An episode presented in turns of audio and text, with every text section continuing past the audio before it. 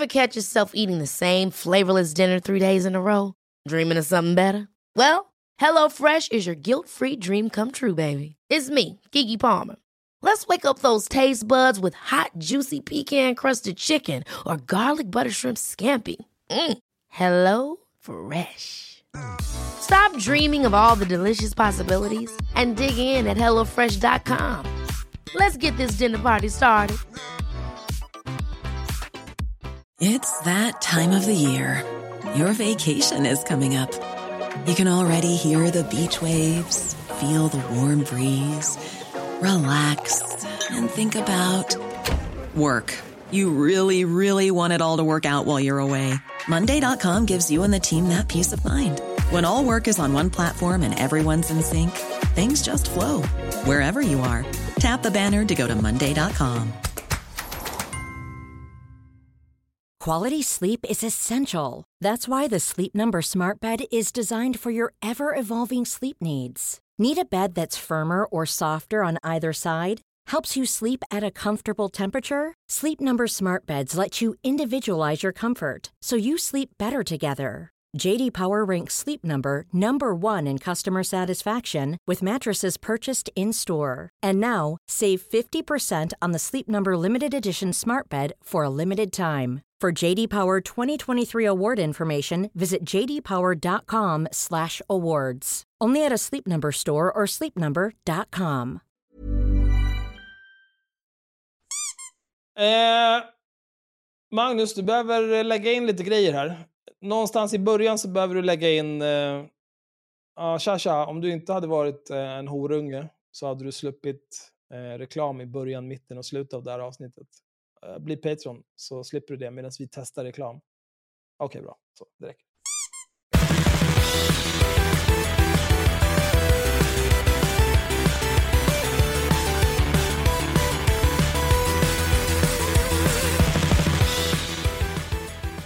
Vad fan har du på dig Henrik? Samma, exakt samma kläder som dig. Försök inte igen. Vi har just pratat om det. Det är exakt inte det, samma jävla Det är linne.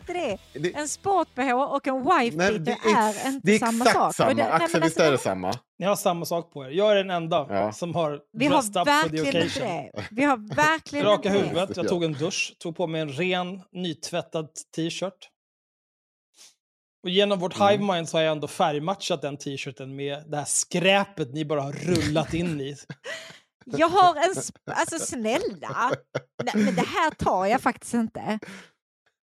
Jävla sopa Jag har, jag, har, jag har sett det så jävla bra. Det här är ett Insta... Eh, det är Expressen som har kört det här. Vänta, ni måste bara få höra det här. Den här pojken får inte äta Putin. Skatteverket har sagt nej till föräldrarna Ann och Ronny i Hisshult i Halland åtta gånger. Men föräldrarna vägrar ge upp Hisshult. striden. Han reagerar bara på namnet Putin, säger pappa Ronny. Men Skatteverket har nu fått nog. En dag döpte myndigheten honom till Nikolaj som föräldrarna valt som mellannamn. Hemma kallar syskon och grannar pojken för Putin. Men på förskolan vägrar personalen att säga hans namn eftersom att de anser att det är stötande. Kom igen, det är ett namn.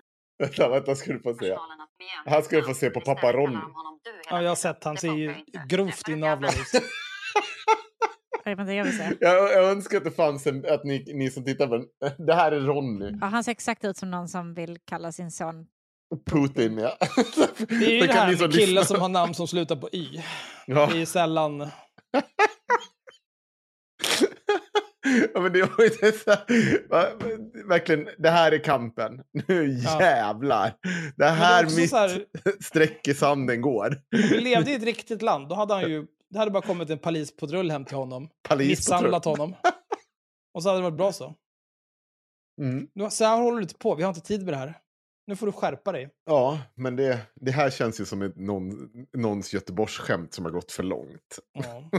Det Och någon annan som borde få besöka en polispatrull? Jaha, vem då? Nej, absolut inte. Jaha. Eh, men Linnea Claesson, hörni. Nej, Uh, varför har vi... Det gick fort. Ja, men det, nu kör vi. Ja, Måste ja. jag ranta om så här påhittade feminist-instagrammar det- igen eller? Det kommer, det kommer, Lin, det kommer Unni Drugge snart få göra, så det behöver du inte göra. Det ska du få höra. Men hon är väl ingen Instagram-influencer? Unni? Hon är väl... Visste ni att hon har drivit slit? Här- Hur Nej. har det Jag har här... faktiskt ingen aning. inte jag heller! Och det är, Ja, vi är inte särskilt förvånade heller. Nej, inte jag heller. Första gången jag kom i kontakt med Unni Drugge var i mitt första avsnitt när vi pratade om strypsex. Ja. Mm. Eh, så inte förvånad. Nej, men vi, vi ska återkomma till den grejen. Men Axel, du sa i- Linnea Claesson. Ja, hon har varit dum. Vad hon... Eller, det, Linnea Claesson har varit Linnea Claesson, men hennes följare och våra följare har varit dumma. Varför det då? Hon har lagt upp en, en bild bara där det står hur en våldtäktsrättegång borde gå till. Mm. Åklagare. Våldtog han henne? Vittne. Ja, men hon var full och utmattad. Åklagare. Det var inte det jag frågade. Våldtog han henne? Vittne. Ja, men hon var klädd i... Åklagare. Jag frågade inte hur hon var klädd. Våldtog han henne? Vittne. Ja, men åklagare. Jag frågade inte om något annat. Det är en simpel ja eller nej-fråga. Våldtog han henne? Vittne. Ja. Åklagare. Ja, han våldtog henne. Våldtäkt är en våldtäkt oberoende av omständigheter.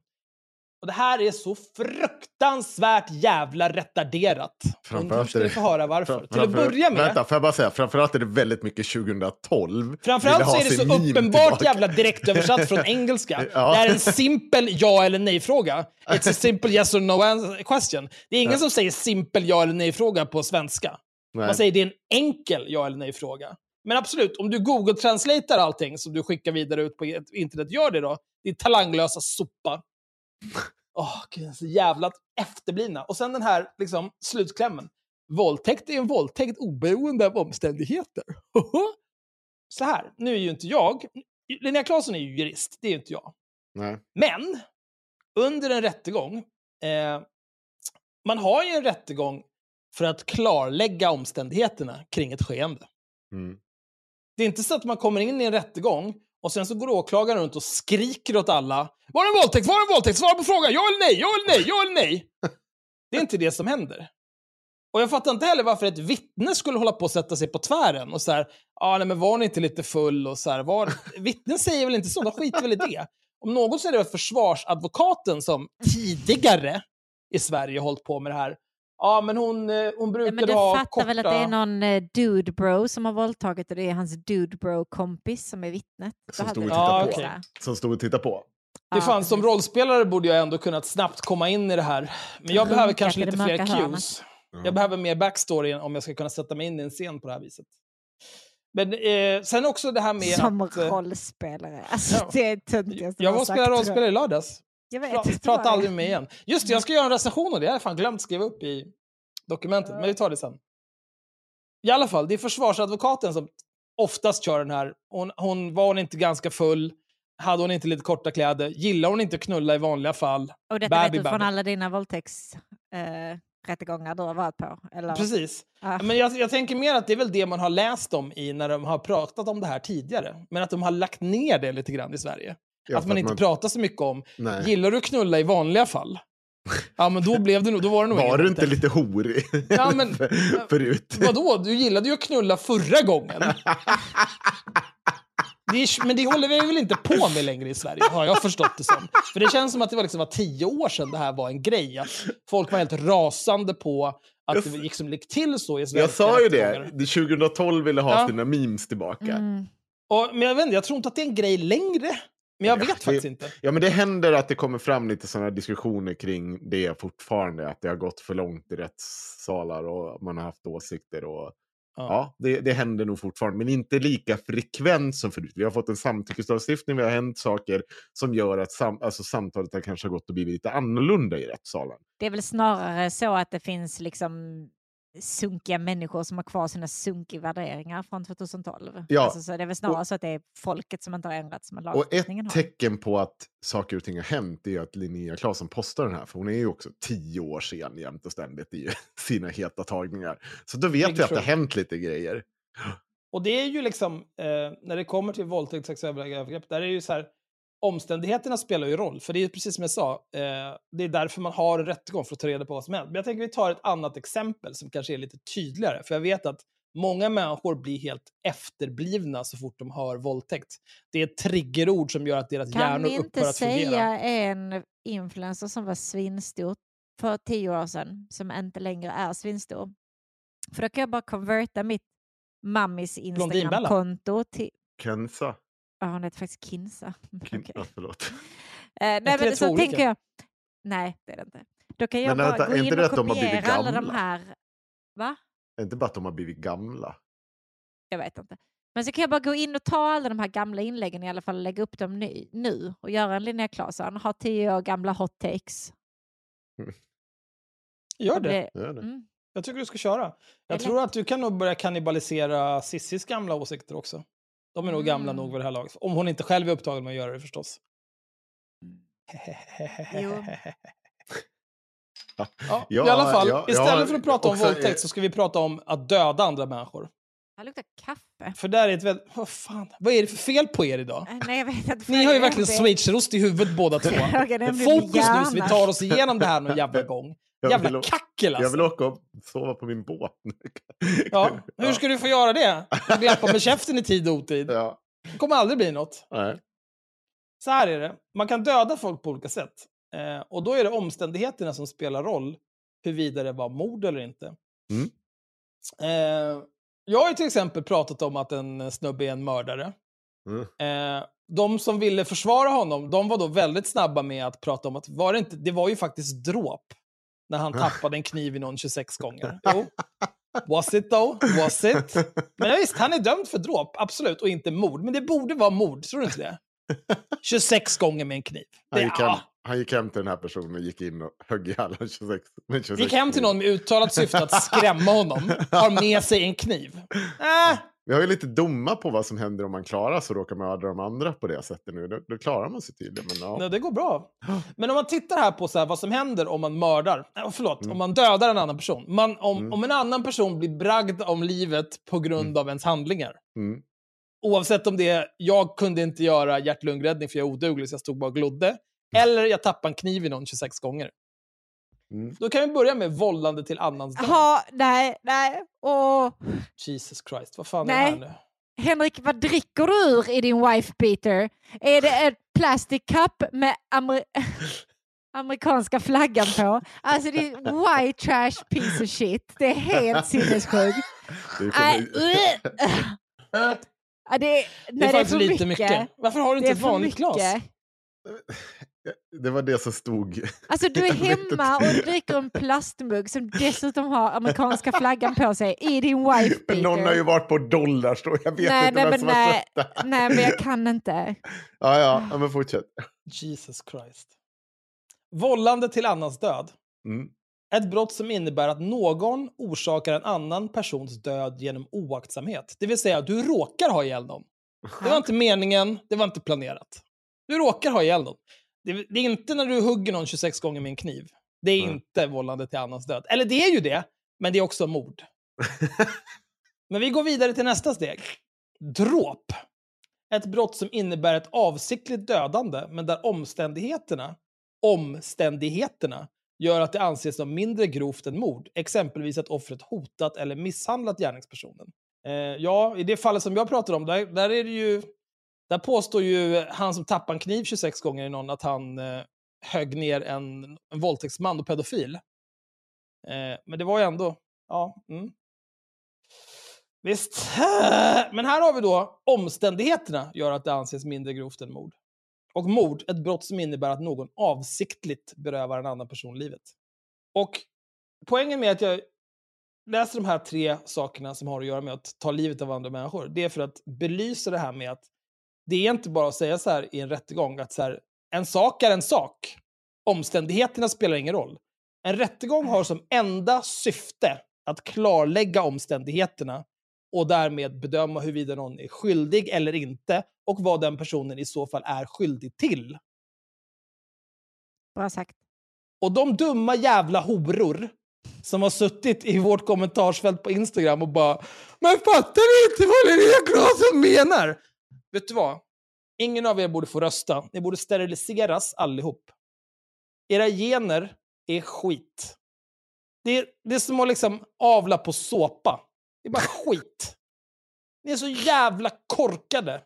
Och att ni får rösta, det är skandal. Skandal! hon är faktiskt årets jurist, så frågan är vem man lyssnar på här. Är det henne Ja, det eller är det sant. dig? Själv har jag inte fått något pris. Nej. Men det var på Stora Journalistpriset. 2017. Har du varit där Henrik? Stora journalistpriset. Fan, det var Ska, du, ska du komma... Ska... Oh, satt bredvid Jessica Gedin, kommer du ihåg henne? Ja. Babel. Satt Mm. bredvid henne och pratade böcker, det var ingen stor grej. Nej. Paulina Neuding satt snett. Du tänker sidan, att jag och. Jessica Gedin hade haft mycket gemensamt.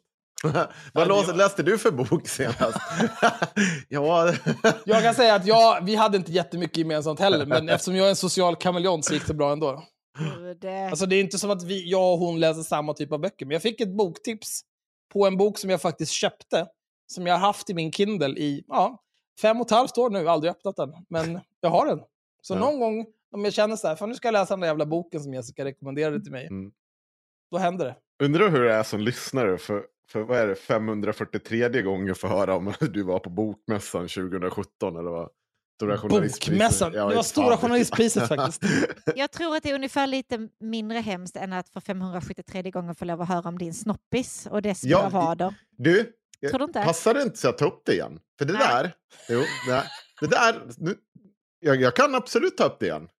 Va, Alltså, men nej, vad men, finns nej, men att alltså, jag vill inte det. Jag vet inte vad som får dig att tro att jag vill att du pratar om din snopp, Henrik. Nej, men, ja, men jag hade ju ändå som storyline, det var ju inte så att det var... Det är Det väldigt få människor som här. jag tycker det är okej att de pratar om sin snopp. Som Ja, jag är så här, wow, detta vill jag lyssna på. Ja, okej. Extremt få. Okay. Ska vi fortsätta Axel? Ja, nej, men jag är klar med Linneas glas. Nej, okej. Jag har inget mer att säga. nej, det men jag orkar inte. Alltså, jag kan mala på ett tag till, men liksom, jag känner att jag har gjort min poäng. Jag skiter i det nu. Jag Jag kan tänker prata jag... om lyxrestaurang istället. Nej, det ska du inte, för det tänker jag hoppa mellan. Men han ändå så inne på spåret influencers och feminister som säger otroligt dumma saker. Så tänkte jag att vi skulle lyssna lite på eh, Unni Drugges senaste medverkan. Det var ju länge sedan någon hörde någonting ifrån henne. Har du Ja, tänkt på hon, det? eh, Kan vi dra en liten eh, tillbakablick här så på vad vi minns? Men var det Hon sista vi... gjorde Va? En podd med mm, Sissi. Hon slutade podden med Sissi. Ja, Hon fick sin hund omhändertagen och avlivad för den var vanskött. ja, ja vi ska, enligt nu ska vi... Eh, Det är eh, Djurstyrelsen eller whatever. Ja, Men det, var de- väl, det var ju några, ja. Och sen så höll de så- på att hänga ut henne, eh, förläggaren. Eller nej, vad heter handläggaren? Handläggaren. Ja. handläggaren. Och så hängde hon ut alla typ tanter på Söder som alkisar och skrikapor som sprang runt och skrek Ja. åt Unni och var helt, eh, helt Det är konstigt hur ett helt grannskap, alla där är alkoholister och Allt var bara galningar. ett, Och ett långt, konspirerar mot stackars Unni. Det är Ja. märkligt hur det kan bli. allt var bara ett långt skvaller. Och Hon så, stoppade väl också ett finger i röven på en av sina hundar för att den skulle lugna ner sig när den höll på att döda någon annan hund. Och sen stoppade hon in ett finger i munnen på en av hundarna när den höll på att döda någon och fick ena fingret Ja, avklippt. just det. Just det, hon fick ett finger. Så jävla dum. Ja, Stoppade hon fingret i munnen på hunden innan eller efter hon hade den i röven? Men, Ja, jag tror det var olika tillfällen. Ja, Men det, det kommer lite nya avslöjanden. Hon har alltså medverkat i podden Bakom orden. Eh, som säkert är bra. Eh, hon, hon, intervjuar, hon pratar journalism, den här kvinnan som jag inte har ett namn på. Vad fan? Pinsamt. Linnea Wannefors heter hon. Hon pratar om journalist och, eller journalism och så tycker hon då att Unni Drugge, eh, Fogskullskvinnan, eh, är en människa som man borde åka och prata journa- journalismens ja, uppgång och fall med. Alltså fogskumskvinnan, det är så himla bra.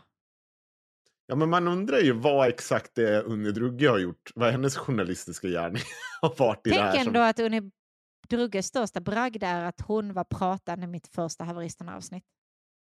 Ja. Varsågod Unni.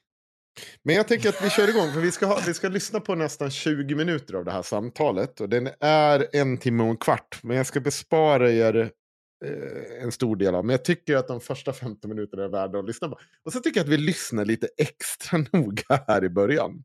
Kan vi bara, sa du 15 eller 50? Va? Sa du de första 15 eller 15. de första 50? Tackar du. Vi sa, sa 20 minuter totalt. Hej och välkommen till Bakom orden, en podcast om journalistik, drivkrafter, avslöjanden och svåra frågor. I varje avsnitt träffar jag, Linnea Wannefors, journalister, både kända och mindre kända, som står bakom orden vi hör, ser eller läser varje dag. Den här gången möter jag Unni Drogge. Hon är journalist men kanske främst känd som författare. Och i det Jag måste ändå säga att det här, den här podden har säkert någonting för den som är intresserad. Det kan jag rekommendera. Alltså, det är egentligen inget ont med hon är ju där för att prata journalism. Jag bara funderar på varför i helvete hon kände att Unni var en person som här kommer jag få liksom bra svar och absolut inte bara rapa lögner och fria fantasier. För Unni är ju precis som Cissi Wallin, hon har ju bytt skepnad lika många gånger som jag byter kalsonger. Så ja, här avsnittet tar hon en paus i skrivandet för att prata journalistik. Även om de båda hänger väldigt tätt ihop för henne. Här pratar vi om den närgångna rapporteringen och om att fläka ut sig. Vi tar upp hur det granskande uppdraget är själva ryggraden samtidigt som journalister ofta springer i flock mot samma mål och söker branschens gillande framför publikens. Dessutom berättar hon om den runtflyttande uppväxten, svårigheten att rota sig och om hennes egen roll i det offentliga. Här kommer min intervju med Unni Drogge. Hej! Jag, jag var tvungen att ta in. Ja, ja, ja. Alltså.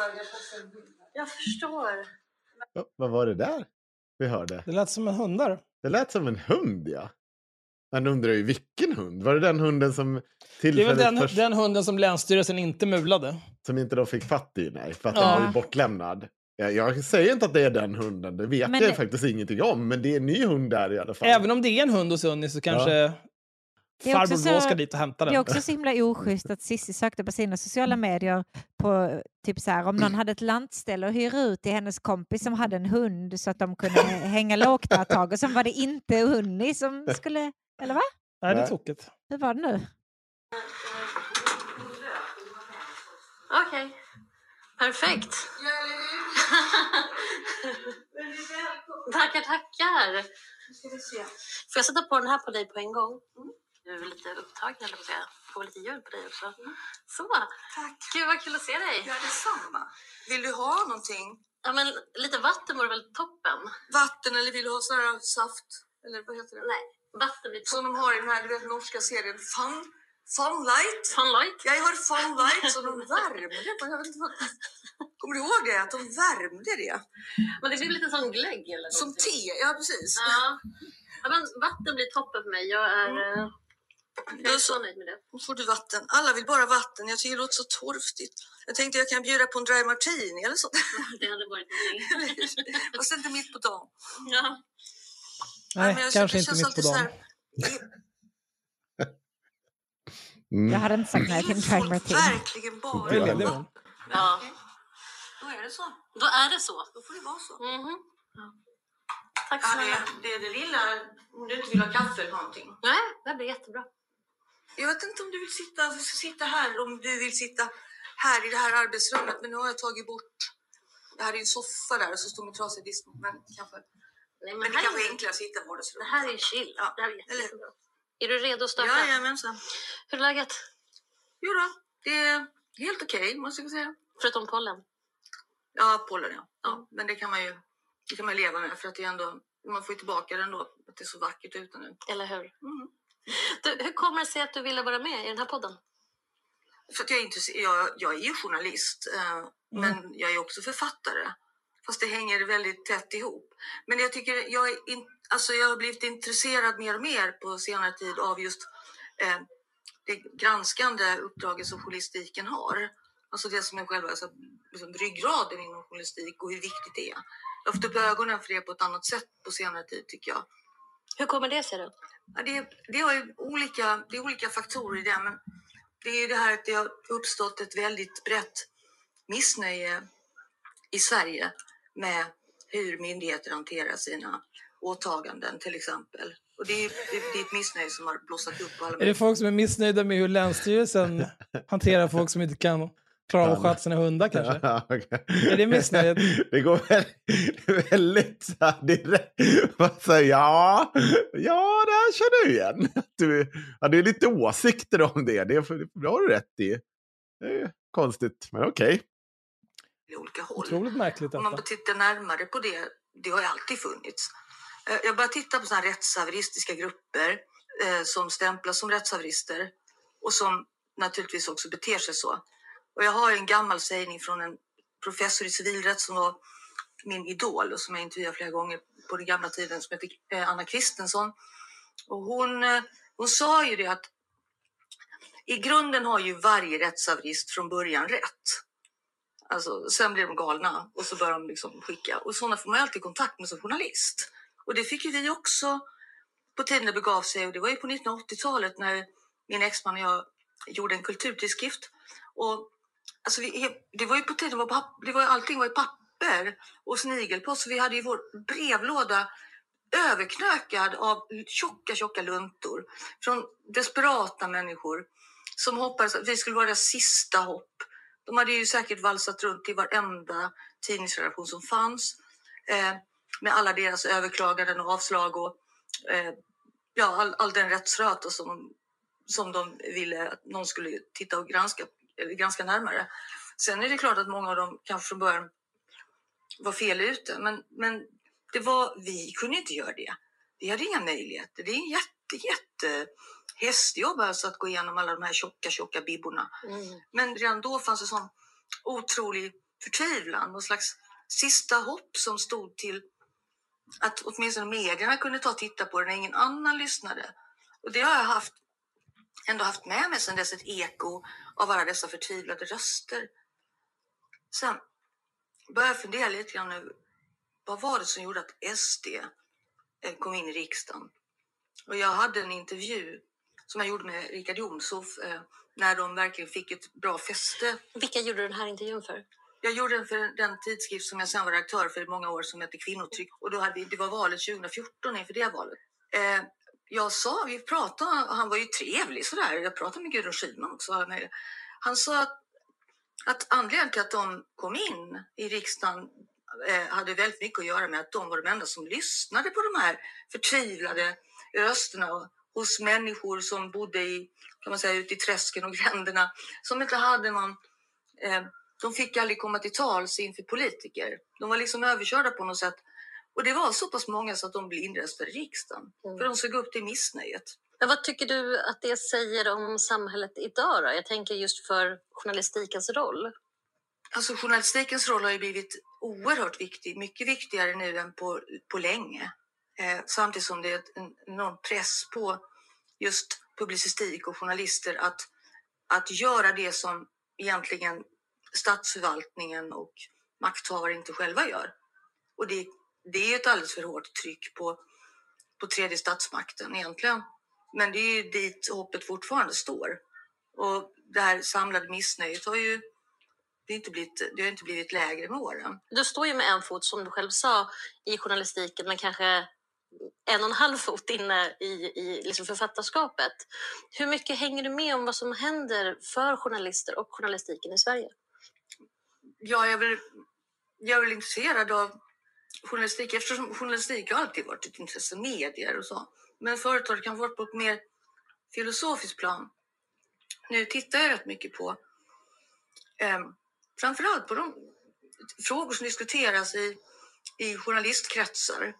Mm, även, jag är jätteintresserad av mediekritisk granskning och sånt där som finns. Alltså, jag tycker att Unni Drugge har en hyfsat eh, behaglig röst och behaglig dialekt. Men jag, alltså det kryper i kroppen med alla de här munljuden. Smaskandet va? Man hör hennes tunga gå som eh, Barty Crouch Jr. Mm. Ja, det är så, äh, äh, jag, alltså, jag behöver inte höra insidan av din mun. Alltså det är Ja, men det, jag tänkte säga, anledningen att jag vill, jag vill faktiskt ta mig igenom de här första minuterna, det finns inte, för nu är det ju liksom, man hör ju att allt det här handlar ju om den kritik hon själv och allting som har hänt henne. Att nu har ju hon ändrat åsikt igen, för nu har ju saker och ting hänt henne som inte hon gillar. Och alltså, sitta här och gapa eller gasta om att eh, journalistik är, är, eh, den ska granska och den ska göra det här bra. Det var ju ingenting hon tyckte när hon själv utsatte liksom, eh, eh Länsstyrelsen för världens jävla drev och där man hängde ut eh, handläggare och där man liksom fick vidta säkerhetsåtgärder för att folk var helt skadade. Och hennes lögner om vad som hade hänt i och med de här hundarna och kring. Det var, liksom, eh, det var ju bara, ett, hon byggde ju bara upp en jättestor lögn för att så mycket hat, eller vad säger jag, hat, vi behöver så- så mycket, alltså att det, så, de mot, hon skulle inte utsättas för någon som helst kritik. Trots att det fanns Alltså det, det med hon och. Cissi Ja. prånglade ut var ju att Länsstyrelsen i princip försökte mörda Unnis hundar. Mm, Helt utan anledning. helt utan fog. Eh, och, och sen så liksom, ni kan mejla till Länsstyrelsen här. Skrev äckliga Cissi ut på sin Instagram inför sina debila, hjärndöda jävla idioter till följare som givetvis hörde av sig en masse och betedde sig som de jävla odjur de är. Men Ingen skillnad på dem eller liksom när Sverigevänner, Nasseslödder och andra horungar hör av sig till någon de inte gillar. nej. För att de är svartskalle, bög eller kvinna eller har fel åsikter. Det är bara en sån jävla äcklig pöbel som ska dränkas i bensin och tändas eld på. För att det är där man kommer bakom. Så kolla runt lite här med i olika Facebookgrupper om journalistik och sådär. Men det är klart att jag har varit kritisk och haft väldigt mycket åsikter om journalistik under hela min yrkesverksamma tid. Inte minst när jag kom ut som författare. Kom ut som För då var jag, jag var kvinna. Det är ju, det alltså, det är ju lite grann... Alltså jag förstår varför de gillar varandra, Cissi och Unni. Unni pratar ju nu om att hon har kommit ut som författare. Och Cissi har ju nyligen kommit ut som artist. Det är ju Men en det- grej de gör. Så här, de kommer ut med en ny identitet. Främst Cissi Ja. då förstås. Men det är bara för att det är Pride Jag, jag tror att. Unni har lika många identiteter när man, nu när jag inser att hon har nog exakt lika många. Bara att vi har inte sett dem på samma sätt. De skedde kanske lite före vår tid. Ja, så kan det vara. Mm. Och så har hon blivit inte omöjligt. plockad igen på senare år för att hon sprang efter Cissi Wallin i metoo-röran. Vet ni vem ja, jag vi- tror att Unni hade haft riktigt roligt tillsammans med? Dolly Parton. Gräddrumpan. Åh Vem? nej. Vem? Grädd, gädd, hon den här på TikTok som är Ja. ja, bara jätte... Hon har faktiskt en Onlyfans nu. Nej, nej. Och nej. innan dess hade hon en hemsida där hon eh, inte tog betalt. Nej. Eh, Bara visa brumman på eh, internet. eh, Det var mycket brumma. Nej, okej. Jag tror att de är hade haft det fall. toppen och de kan Mm. bonda över fogsex, fogsex, Fogskumsex. fogskumsex först och sen vin därefter. Och dry martini mitt på dagen. Jag Ja. hittade Let's en, go. jag öppnade, hittade en öppnad fogskumssprays-grej ute nu när jag städade borden igen. Och jag bara står och tittar på bara. Man kan inte titta på det här längre utan att tänka bara. "Åh." Nej, nej fogskum är ju för alltid förstört. Det, Ja, är tyvärr. Det är tur tur att det, det. tur att det var fogskum och inte typ bärs. Ja. Jag vet, jag vet. Det är så när man är kvinnlig författare och ska få plats i, i medierna så, så krävs det vissa, har man liksom vissa initiationsriter du måste gå igenom. Lyssna nu. Alltså, hon säger då, för nu kommer hon komma in på ett resonemang som är för mig helt jävla... Alltså det... Nu, nu, nu börjar bortförklaringarna till varför jag gjorde si och så på ett sätt som är så bara... Eh, man gör sig själv till en struktur på något sätt. Jag är bara utfallet av en struktur. Jag kan inte ta ansvar för någonting. Jag är bara en liten tjej som sprang runt här och varit utsatt för allt det här för att det var så jag hade som förväntningar på mig. Nu höll på så i 20 år. Men nu är jag rätt trogen feminist och jag kan... Du är ju galen. Ja, lyssna. Du ska liksom fläka ut dig själv på ett annat sätt än vad män behöver. Du ska alltid du ska se ut på ett visst sätt. Jag fick ju hela tiden den här konstiga bilden av hur en kvinna ska bete sig i medierna för att hon ska få genomslag. Och det byggde ju alltid på att Vadå, ska... var det någon som berättade för dig hur du skulle bete dig? Eller var det Nej, men det, det, det lär man sig väldigt fort. Jag var på seminarier också och lyssnade på sådana som... Vänta, vi tar det. Jag fick ju tiden den här konstiga bilden av hur en kvinna ska bete sig i medierna för att hon ska få genomslag. Och det byggde ju alltid på att Vadå, ska... var det någon som berättade för dig hur du skulle bete dig? Eller var det Nej, men det, det, det lär man sig väldigt fort. Det var ingen som berättade för mig, men jag lärde mig det ändå. Och hon hade gått på seminarier. Jag var på seminarier också och lyssnade på sådana som forskade i det här. Eh, Som forskade jag i vad? gör På Hur man ska kvinnor bete sig, Ja, eller? kvinnor ska bete sig för att få genomslag i media. För tydligen har det stått någon forskare och sagt att kvinnor behöver fläka ut sig. Och allting är så här behöver kvinnor vara för att de ska få genomslag i media. Och, och Unni, hon tog inte det här som ja, ah, det här är ju inte bra, det här måste vi förändra. Utan hon tog det som Jaha, jag skriver ner det här. 1A. Fläk ut dig. 2. Man måste Skaffa inte, alltså, bara för att man går på ett seminarium Ja. för att, och någon säger något, du måste inte göra det. Va? Du får göra vad du vill. Och vad, vad gör du på ett sånt seminarium? Det låter så extremt oseriöst. Och så, så här, när i tid? Det blir så konstigt. Det här måste ju varit på 80-talet. Det hade någon forskat på det här. Vad fan snackar du om? Din?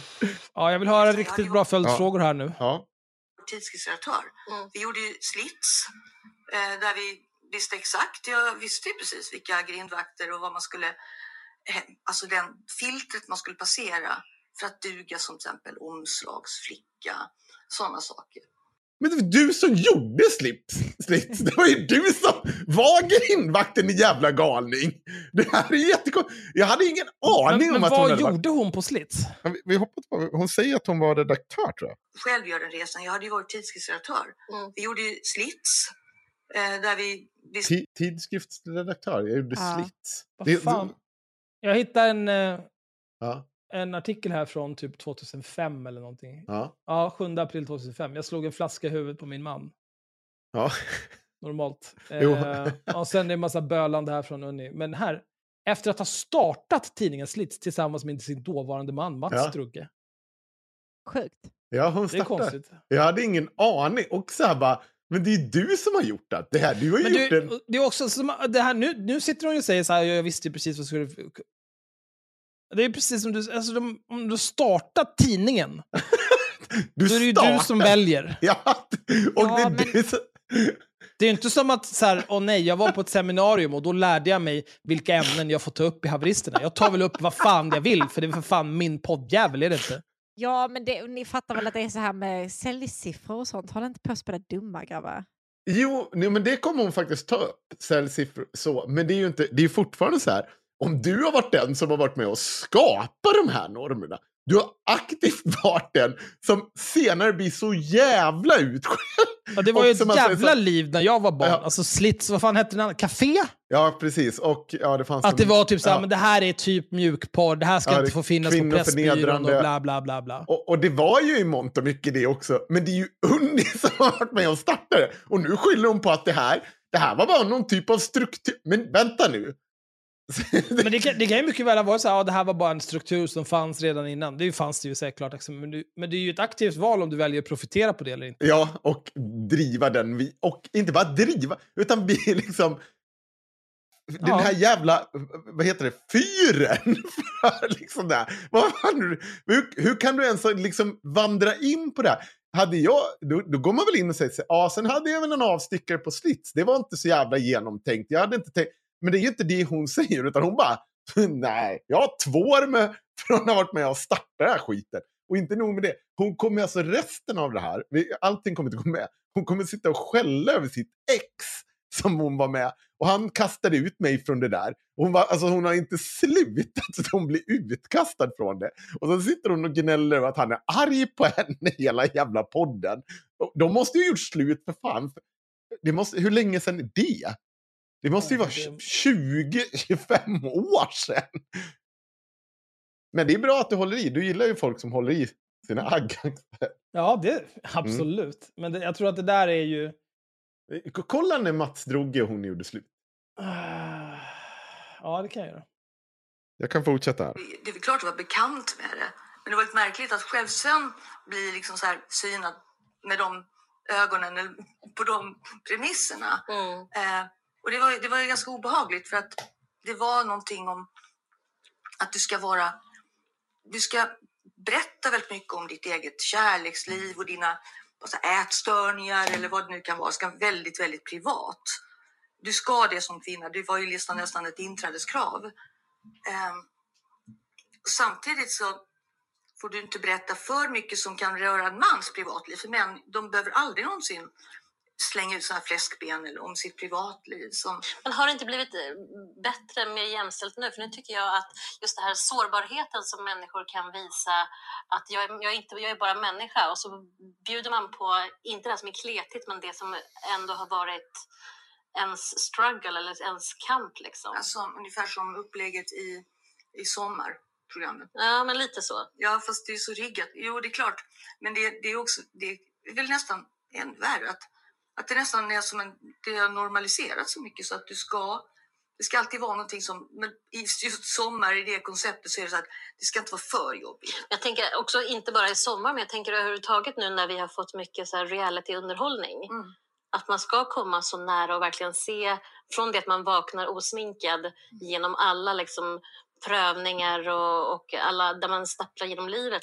Jag undrar också, när slutade Unni? Om hon har nu insett att det här fläkar ut sig. På vilket sätt menar hon att hon inte... Hon har ju fläkt... jag, jag förstår inte. Men, när det, men det är väl mer, du det är väl mer här, på menar du? bild liksom hon menar eller? Men nu är det väl mer det här nej, känslofläkeriet? Det, det är ju det hon pratar om hela tiden. Att du som kvinna var tvungen att slä, äh, fläka ut om dina ätstörningar, dina de här, all, alla dina... Du var tvungen, du fick bara inte göra dem med manslika. Och jag antar att hon då tar upp att hon har liksom hängt ut alla sina tidigare män som någon typ av hustrumisshandlare. Eh, men... Ja, Ja, om jag, man, läser man här på Mats Drugges Wikisida. Från 1990 ägde han och utgav herrmagasinet Slits till en början tillsammans med sin dåvarande fru Unni Drugge. Tidningen var då ett musikmagasin, men efter parets skilsmässa utvecklade Mats Drugge den till att allt mer bli en tidning för män där huvudfokus låg på lättklädda kvinnor. jaha. Så hon kanske inte hade jättemycket med det Nej, att okej, göra. det är bra. Det var ju bra att vi kollade upp det. Ja, Men hon sa ju ändå att hon visste vad som krävdes för att någon skulle kunna pryda. För, för, men, och det lät ju som att de ha- har en helt psykotisk relation också. ja. Men jag såg en, en rolig sak på Unnis sida. Eh, på Twitter har Drugge dödshotat dåvarande utbildningsministern Jan Björklund. En person som ifrågasatt hennes Twitterinlägg uppmanade hon att gå och skjut dig i munnen.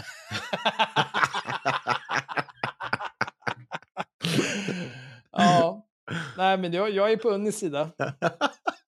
Det är klart, kom inte här till mig och berätta vad jag ska göra. Skjut dig i huvudet istället. Ja, men det är ju sådär att man är så närgången att man ska liksom, eh, du, du ska på något sätt, du ska zooma in vartenda hudveck. Du ska, du ska visa upp saker som egentligen ska dolda för att folk blir så mer och mer hungriga på snaskiga detaljer. Så det är klart att det har blivit en business. Det har blivit en jättebusiness sen, sen trenden tog över. Det var ju största som hänt tv-mediet sen Gyllene hörna ju. Eh, och det, det var jag också väldigt kritisk mot. Jag gjorde en massa bevakning då av de första såporna, dokusåporna alltså. Eh, just för att det byggde ju på att personer skulle liksom, de skulle, de, man skulle få lov att liksom syna och komma in i deras innersta skrymslen. Och det är väl klart att det, det sen har det blivit normalt, liksom bara sociala medier, folk gör det självmant. Så det är inte något, egentligen det är ju helt normalt idag att göra, det är inget konstigt. Men jag, jag märkte själv att det var ett krav. Och särskilt som kvinna, att du ska helst berätta om något som är olyckliga, det ska vara lite så här tragiskt samtidigt som det inte var för tragiskt såklart. Eh, ja, ja, det var, det var jag väl lade märke till att det var ju väldigt stor skillnad att komma ut och bli Alltså man själv skulle liksom exponera sig i medierna och vara den som väljer eh, hur man ska exponera och vad man ska exponera. Det där är spännande. Om man Nej, det är inte spännande. Det är jättekonstigt, för du har ju aldrig slutat gjort det här. Jag förstår inte. vad, är, vad, vad, vad var det dåligt? Alltså, så om du någonstans kom till insikt att det här var en dålig sak, varför slutar du inte då? Jag, jag begriper inte det här. Det är, och, och den här journalisten, jag, vet, jag, kan, jag kan förstå någonstans att du kan inte sitta och syna en sån här människa som babblar så här mycket. Men någon så här bara, "Ha, vad, vad intressant du säger. Tycker du att du har slut? Alltså, så här, du kan ju öppna frågan så här, låta personen babbla på på det sättet. Men du kan ju åtminstone ställa en fråga som så här, hänger ihop. Tycker du att du har slutat? Lagt ut privata grejer om din, dina, alla det här för att jag... Alltså det är ju eh, Instagram. Ja. Det gick ju från att vara liksom, det här åt jag idag, till att nu kommer alla mammisar på en och samma gång och ska berätta om alla sina trauman och sina liv och alla deras trials and tribulations. Vad fan, gå och skjut er i munnen istället. Så, så, så är det den där senaste från mansbebisar. Den var också Var det så han som skulle... Han som luktade illa. Ja. Det var väl någon Va? som så här, han borstar bara tänderna på kvällen och Ja, jag, jag kan, jag tvättar kan ta sig bara en gång i veckan. Eh, det här med hygien. Det här är, det här är min i samhället i övrigt fungerande man, namn. de- Man. Ett, bromsspåren. Jag försöker förklara det orimliga i att han har det. Men inte jag som har hi- eh, hipstering mellan skinkorna. Kan- vi bara, alltså, eh, för, att, för att få bromsspår i kalsongerna Mm. Det är alltså... Antingen så har ju liksom, det har hänt någonting. Mm. Du har liksom... Du åt dåliga skaldjur på lunchen och Mm. så här, det blev inget bra. Eller så är det så här, du går och bajsar, men du torkar inte. Ja, men, Och så är du liksom helt smetig i röven. nej, nej, men det där är nog inte, det där är inte sant Axel. Ja, Men hur går det annars till? Ja, men det finns fler det är antingen Har- det, du så att har, det liksom- märks hur lite relationer du har varit i Axel ibland. Lång- Hur lite relationer? Vad har du haft Vad- har du- De relationer jag har varit i har varit Ja. med folk som klarar av att torka sig i brumman när de har skitit. Jag vet inte vad för relationer du ger dig in i. Men, men det är antingen det, att folk inte torkar sig ordentligt i röven när de är liksom lite så här... Eh, det är inte det helt fasta bajset. Eller att de går och gräver sig i röven för att det kliar. Också förmodligen för att de inte torkar sig och tvättar sig ordentligt. Det är ju enda sätten. Hur går det annars till? Eller, och jag kan också tänka mig typ så här att du fiser så otroligt mycket och hårt. att det liksom så här Ja, men, för med sig. åh gud, det här var för ska- vad fan har liksom bromsspår i kalsongerna? Det är ju inte rimligt. Om du är ett barn, Alltså, kan jag tänka mig jag, det. jag hade faktiskt en pojkvän när jag var mycket yngre. Det är inte, det är inte Tim, men alltså när jag var mycket yngre. Som, Är det Tim? eh, Blinkande hade liksom, Tim? Nej, nej men Tim? eh, inte, inte när Hon jag var blinkar. fem. Men alltså så här, man ska göra sin egen tvätt. Det var inte Tim, men eh, han hade bromsspår och jag tog upp det med honom hur jävla äckligt det var och Gud varför du blinkade. torkar Sanna. han inte sig eller liksom tvättar sig röven efter han är på toaletten om det här är ett sånt jävla problem. För det är inte normalt. Och då började han gråta och sa till mig att jag var elak som fy honom äcklig. Ja, men, Men, Men efter, det är ju det, äckligt. Ja. efter det, inte ett enda bromsspår. Jag tror Nej. han hade Ja, men Sveriges det är bra. renaste röv. Vet du vad? Varsågod, vem som nu än är med honom idag. Varsågod. men, så Men vad vad jag har mer här. Ja. Alltså grejen är så här, det finns ju folk som tror att så här, eh, när du duschar, mm, det räcker med Många människor som typ så här, "Ja, men jag, jag tvålar in händerna för att det är det första man gör, för att man vill ha rena händer när man gör resten.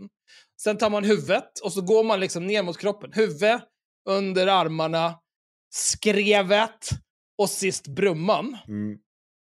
Men det ja, finns tvättar folk... du det också i den ordningen Henrik? Alltså man kan så- göra det. Jag säger inte att alla måste göra det. Men så gör jag. jag. Och jag säger bara så här, om vi säger så här. Det här är de ställen man bör tvätta ganska noggrant. Mm. Huvud under, alltså alla skrevor. Mm.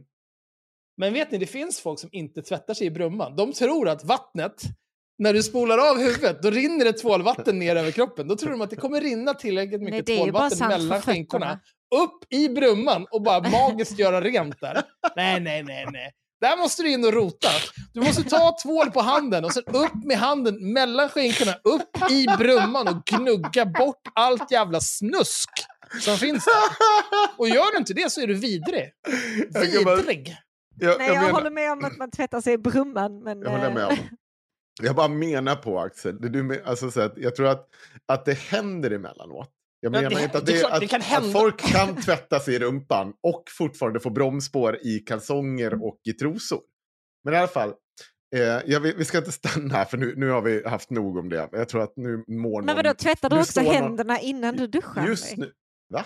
Varför Tvättar vad du- pratar du om nu? Axel sa att han börjar varje dusch med att tvätta händerna. Men nu, nu går vi förbi, vidare från... Nej, bara- absolut inte. Nej, men jag, måste, jag ska ju förklara här nu. Ja. Alltså, jag blir ju ifrågasatt här för att jag börjar med att duscha med att tvätta händerna. Anledningen till att jag gör det är att ofta när jag duschar, då har jag varit på toaletten innan. Och antingen hållit i pillesnoppen för att man har kissilurat, eller för att man har brummat. Och när man har brummat, så även om man ska duscha så torkar man sig i brumman.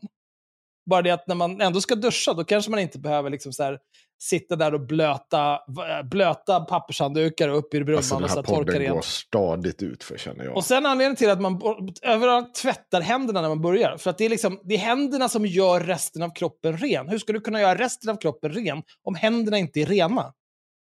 Och sen börjar man med huvudet för att det är förmodligen minst allting smutsigt. Ja, att börja med huvudet är liksom inte en grej att tvätta uppifrån och ner. För jag bryr mig inte. Men att tvätta händerna innan du Nej, duschar. det gör inte jag heller. Det ska jag villigt erkänna. Då får jag vara äcklig. Men nu vill jag ha så här. Tre. Efter mitt tjat borstar han i alla fall tänderna innan han ska gå och lägga sig. Men inte på morgonen. Tänderna ser ut därefter. Fyra. Samma tröja fler dagar i rad. Även vid varmt väder. När jag påpekar att kollegorna borde undra om han ens har några andra kläder blir han sur. Fem. Tror inte han Kan vi, använder deo. hallå? Kan vi, Ja. Alltså det här med att borsta tänderna. Mm. Eh, det, visst, det är klart du kan borsta tänderna morgon och kväll. Men det har ju mycket att göra med liksom, eh, tänderna ser ut därefter. Jag, jag tror inte det kommer göra skitmycket skillnad om han liksom börjar borsta tänderna både morgon och kväll. Men han kanske ska börja tandtråda, han kanske ska tänka lite grann på vad han äter, kanske skära ner lite grann på hur mycket kaffe han dricker, hur mycket te han dricker Mm. och sådana grejer. Och sen också, eh, om man ska borsta tänderna bara en gång om dagen, då lär du ju borsta dem på morgonen. När det fan smakar skit i käften. Borsta bort allt det där snusket så att du är fräsch när du är ute bland folk. Rent tekniskt, om du ska välja en gång ska du väl borsta dem på kvällen så att de är rena innan du går och lägger dig så det är inte en massa kariesangrepp under hela natten. Alltså som tandkrämsreklamerna från 80 och 90-talet lärde mig att en syraattack på tänderna kan pågå i uppemot 30 minuter. Så att Ja. jag tänker att det där är nog klart. Liksom. Ja. Du käkar middag och sen en timme senare är du safe. Så länge du inte sitter och trycker massa godis och kakor och skit in i ansiktet. Fem, tror inte han använder Dio. Sex, tur om man duschar en Ja, men- gång i veckan. Hallå, Oftast blir det när jag säger till. Hallå? Ja, ja. Eh, det var ju tröjor också. Alltså man behöver inte, du kan ha en tröja på dig flera dagar i sträck. De sa ju även vid varmt väder, men varmt väder betyder inte nödvändigtvis att man svettas. Eh, så länge du liksom, alltså svett luktar ju inte heller illa. Det som luktar illa är ju gammalt svett. Bakterierna som Eller är där, bakterierna det är i, som i den gamla svetten. Mm. Eh, jag använder aldrig deo heller. Nej, men det är också konstigt. Jag sett tvättar mig bara dagligen så är det löst. Mm. Tur om man duschar en gång i veckan. Oftast blir det när jag ser till. Jag är inte nitisk, men what the fuck. Och det här har alltså mansbebisar eh, så här. Är det en funktionsnedsättning att vara man? Frågetecken. Och jag känner, jag kände riktigt spontant här att jag vet inte om det är en funktionsnedsättning just att det är mannen här som har en funktionsnedsättning. Jag känner att den personen som stannar med den här människan och in, som inte här- ändrar sig har funktionsnedsättningen. Det här är ju genomgående för allt jag har sett dem posta där. Det enda Ja. jag tänker är typ så här, okej, ja den här personen som du påstår att du lever med, Mm, men som, som bara låter finns. som att det här är en nidbild Ja. av liksom en total jävla idiot. Men du väljer ändå, du har inte bara liksom träffat den här personen en gång, du har bestämt dig för att inleda en relation med den här personen, du bor med den här personen, du har skaffat barn med den här personen, du har gift dig med den här personen. Vem fan är det som är liksom förståndshandikappad här? Du, du, är liksom, du har valt att avla på någon som inte kan torka sig i brumman. Men, Vad fan ja, händer? ja, så det här måste ju ha börjat långt innan. Ja, Ja, men Men det är jag så känner- här, han borstar inte tänderna. Hon fick övertala honom att börja borsta tänderna. Det lär ju ha märkt som nu tänderna ser ut därefter. Han byter aldrig kläder. Det måste hon ju också ha märkt när de träffades första gångerna. Om han dessutom luktar illa, då måste hon ju ha känt av det också. För att det är hon som tvingar honom att duscha och han använder ju aldrig Men deo. det, det här är ju också det som är roligt med alla de här uh, Molgan-historierna, som spöken som inte finns. Det är att så här, de, de blir så jävla överdrivna att det är så man bara, men det är ju du som är konstig här. Det är ju Ja. inte... Alltså, så här, håller du på Om med något så för något? förtjänar de ju varandra. Liksom. Det är Ja. svårt att tycka att någon är värre än den andra. Båda är ju helt odugliga. Ja, ja, men vi Men kör det är vidare ju, på... Och sen Ja. också så här, är det en funktionsnedsättning att vara man? Inte, det är fan... Det är stora ord från någon som sitter och tigger pengar för att sköta ett jävla Instagram-konto, ditt äckel.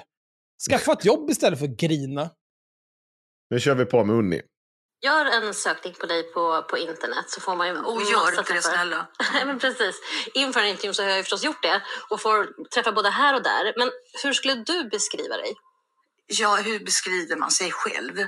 Egentligen det är något du ska fråga mina vänner om. Mm, eller dina Vilka barn vänner? kanske? För om jag, ja, mina barn. För om Boom! jag har lagt märke till att om, om någon påstår sig själv vara på ett visst sätt så är de ofta precis tvärtom.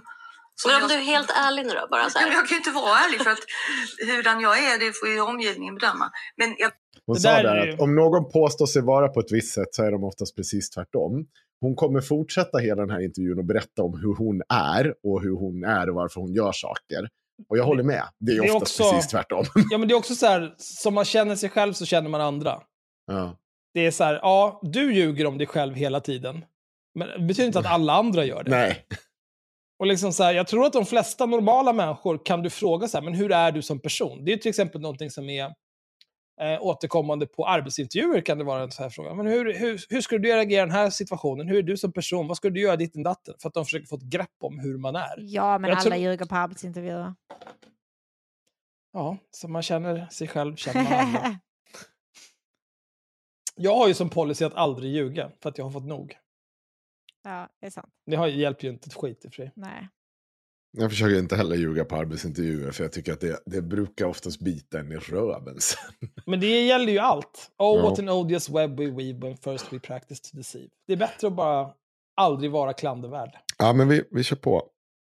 Eh, Det som står, eh, det som har stått och det som står skrivet och, om mig, det tittar jag aldrig på. Och det är inte, det stämmer i alla fall inte. För att det var ju det första, det var liksom den första, kan man säga, stora överraskningen när man får se hur man själv blir gestaltad, alltså vilken roll du får. Att det där är inte jag. Och det har väl de flesta, det är så här, det har de flesta kommit fram till, de som träder in i den här konstiga offentligheten. Att, men så där är jag inte alls. Men du kan inte korrigera, det insåg jag också tidigt. Du kan inte korrigera den bilden.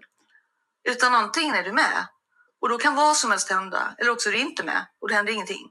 Men om man nu skulle sätta någon typ av epitet på det då? För, för lyssnarna som kommer höra det här. Jag vet ju inte, jag tror väl att jag, åtminstone många minns mig som, och fortfarande tänker på mig som författare. Det tror jag, Mm. eh, framför allt. Vem är liksom journalisten då, Nidroge? jag tror inte att min, eh, min roll som journalist har varit lika framtonad. Liksom. Eh, Det, det tror jag inte. Men för det är jobb jag har gjort, liksom, uppdrag. Mm. Jag har ju varit redaktör för tv och sånt också. Jag har gjort. Men då är det uppdrag man utför. Liksom. Mm. Den här intervjun kommer ju handla mycket om journalistik så jag tänker att vi ska ha de, de glasögonen på dig. Mm. Eller på oss heter det. Vad har du gjort det senaste året då? Det senaste året har jag... Vad tror ni hon har gjort för någonting det senaste året? Jag tror att hon har skrivit en bok. Det tror jag hon har skrivit en bok. Vad tror du den handlar om? Jag tror... Unne Drugge har skrivit en bok som på den tiden när hon och hennes man eh, hade en postbox dit olika rättshaverister kunde skicka tjocka luntor om hur, hur de har blivit förfördelade av olika myndigheter. Hade det varit för 30 år sedan hade hon förmodligen skickat in den till sig själv. Men nu har hon istället möjlighet att skriva en bok om alla oförrätter hon anser sig ha blivit utsatt för. Det är Mm. min gissning. Sanna? Nej, jag, jag vet inte ens. Det kan vara fa- fan som helst. Jag kan säga att jag nailade när hon sa det här. Så, mm, jag, jag var ute och sprang. Så jag bara. Hon kommer att skriva en bok om feminism och varför den är dålig. Det var vad jag tänkte. Alltså direkt när hon yppade det här. eh, gjort research till en kommande bok om eh, feminismens, eh, vad ska man säga, feminismens fallgropar eller det som har gjort feminismen till vad den är idag. Det var alltså no lie. Det där var det första. Jag tänkte att det skulle vara någon så här. Varför feminismen har spårat ur. Alltså så jag bara, det var bara snabb tanke. Och jag bara. Ha! Sprang där. Skrek rakt ut i skogen igen. Det är kul att både hon och Cissi har kommit fram till det. alltid På tal om det. betraktat mig som, vad ska man säga, kvinnorättskämpe, feminist. Vet jag inte ens om jag vill betrakta mig eller kalla mig längre. Varför inte? Därför att jag har fått eh, tradiga konnotationer. Ehm, man Hur- tänker hur då? bara på en viss... Ja, men, dels är det ett skällsord. Så är du, är du feminist så är du ju automatiskt också en batikhäxa och, och manshatare och allt möjligt annat som följer med. Är, är det? Det visste jag inte. Jag, vet dock en rörelse som ser feminism på det sättet. Mm. Till bredden full av män. Till bredden full av rasister. Ja. Kallas... Det var någon du hade varit och pratat med där. jag, vet inte. Jag, vet, inte för att jag, jag kan inte säga... Rent generellt så tror jag inte feminism har packats på att du är en batikhäxa och det här. Utan jag, jag känner igen när det sker. Det är, det, är inte, det är inte den här podden vi har påstått det. Någonsin. Nej. Det är inte i andra sammanhang, inte i många högersammanhang heller. Det är en specifik rörelse här, Unni. Jag vet inte, Märkligt. är du på väg in i den rörelsen kanske? Sen har ju den feministiska rörelsen så här, på något sätt eh, anmält sig som ogiltig. Den har på något sätt sparkat ut sig själv, straffat ut sig ur, ur eh, det som jag har lust att skriva under på. Det har, den, har, den har spretat för mycket också, den är ju som splittrad. Och, så jag- feminism, det är väl kanske det den här boken också ska gå ut på. Att ta och dissekera och vad var det som gick så himla snett? Varför kunde vi inte samlas kring viktiga frågor? Idén till den här boken, då, var kommer den ifrån? det är väl en idé som har vuxit fram under en lång tid.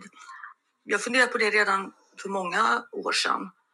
Kan det, kan det vara så att det har att göra med att de, den här feministiska rörelsen som du trodde du tillhörde och som du var så jävla front figure i, bara bestämdes för att oj, du, Tack och hej. du är ju komplett jävla galning.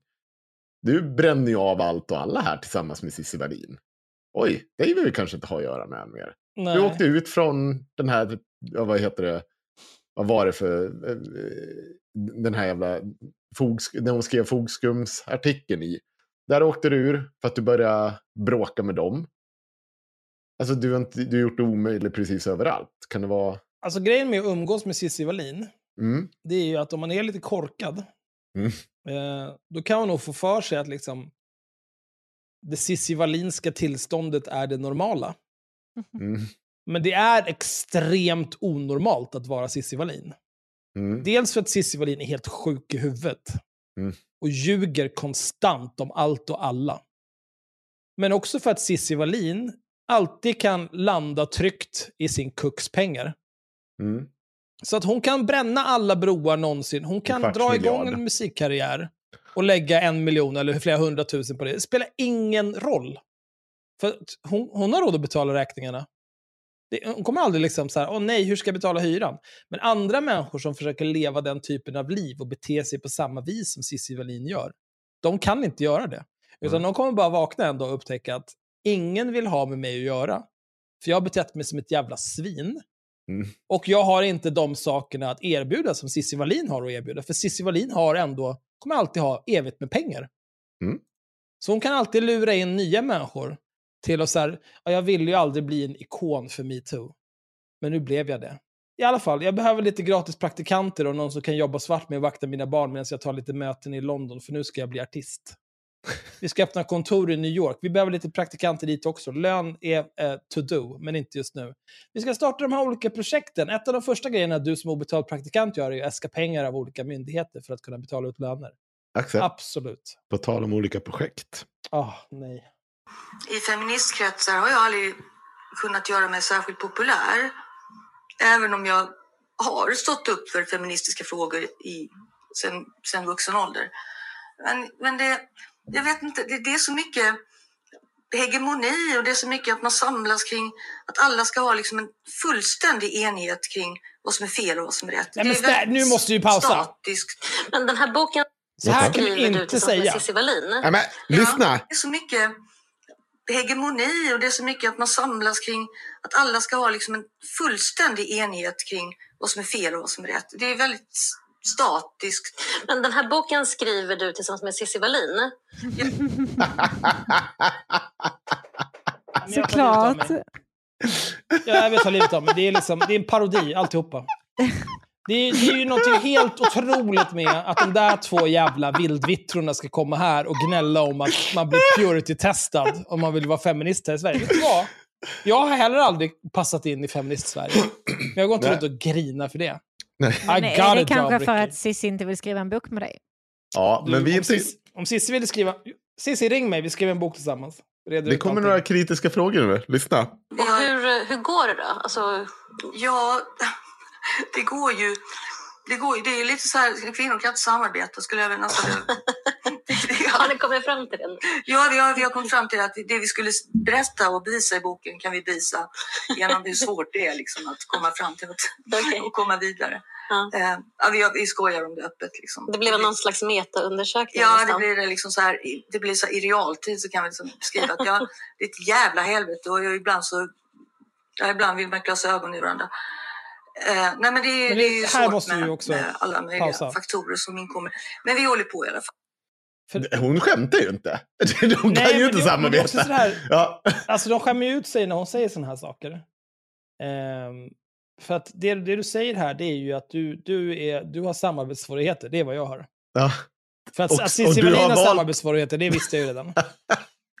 Men, men, men det, det är ju återigen precis som jag sa, att, du, att Unni Drugge står här liksom på ålderns höst eh, inför öppen ridå och berättar för alla i världen att jag har samarbetssvårigheter, gör inga projekt med mig. Nej. Så hade inte jag gjort.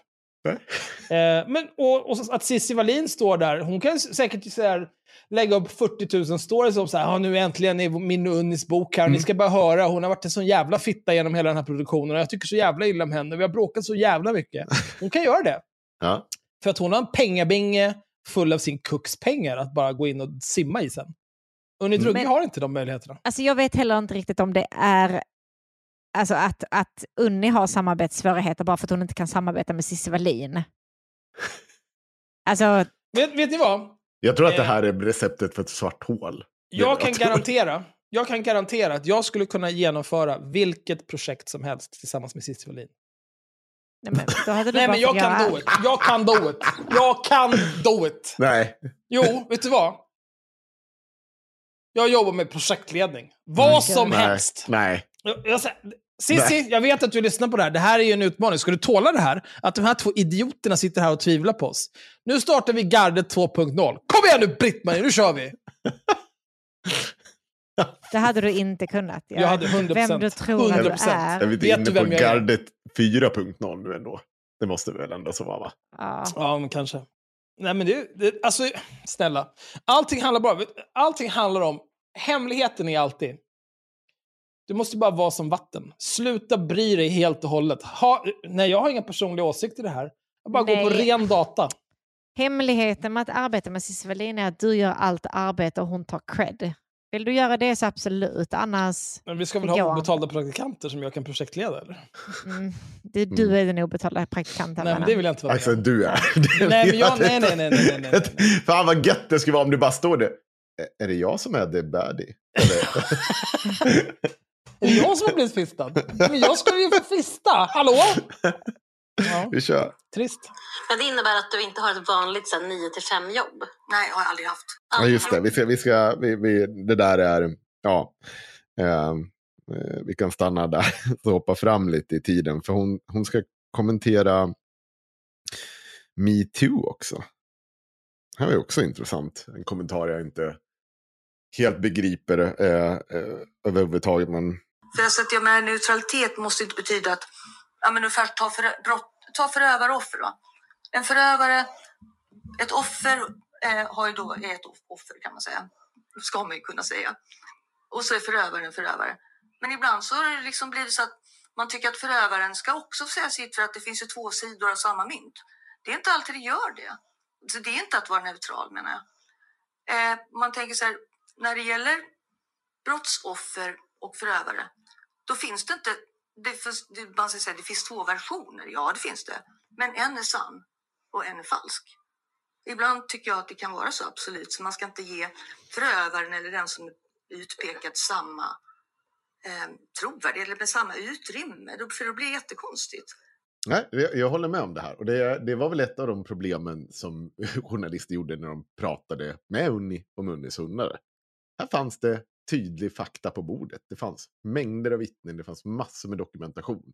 Och så betedde man sig som att hon liksom bara kunde få säga de här sakerna. För, och det kan jag också störa mig, jag håller ju med. att Jag kan störa mig ibland på hur media gör det som man bara lägger fram två sidor. Och det blir väldigt lik, alltså, som att de skulle vara likvärdiga där jag tycker att så här, man skulle kunna lägga, om personen säger någonting som är liksom helt uppåt väggarna, vad säger Nej, och så, eh, Påståendet om det här stämmer inte.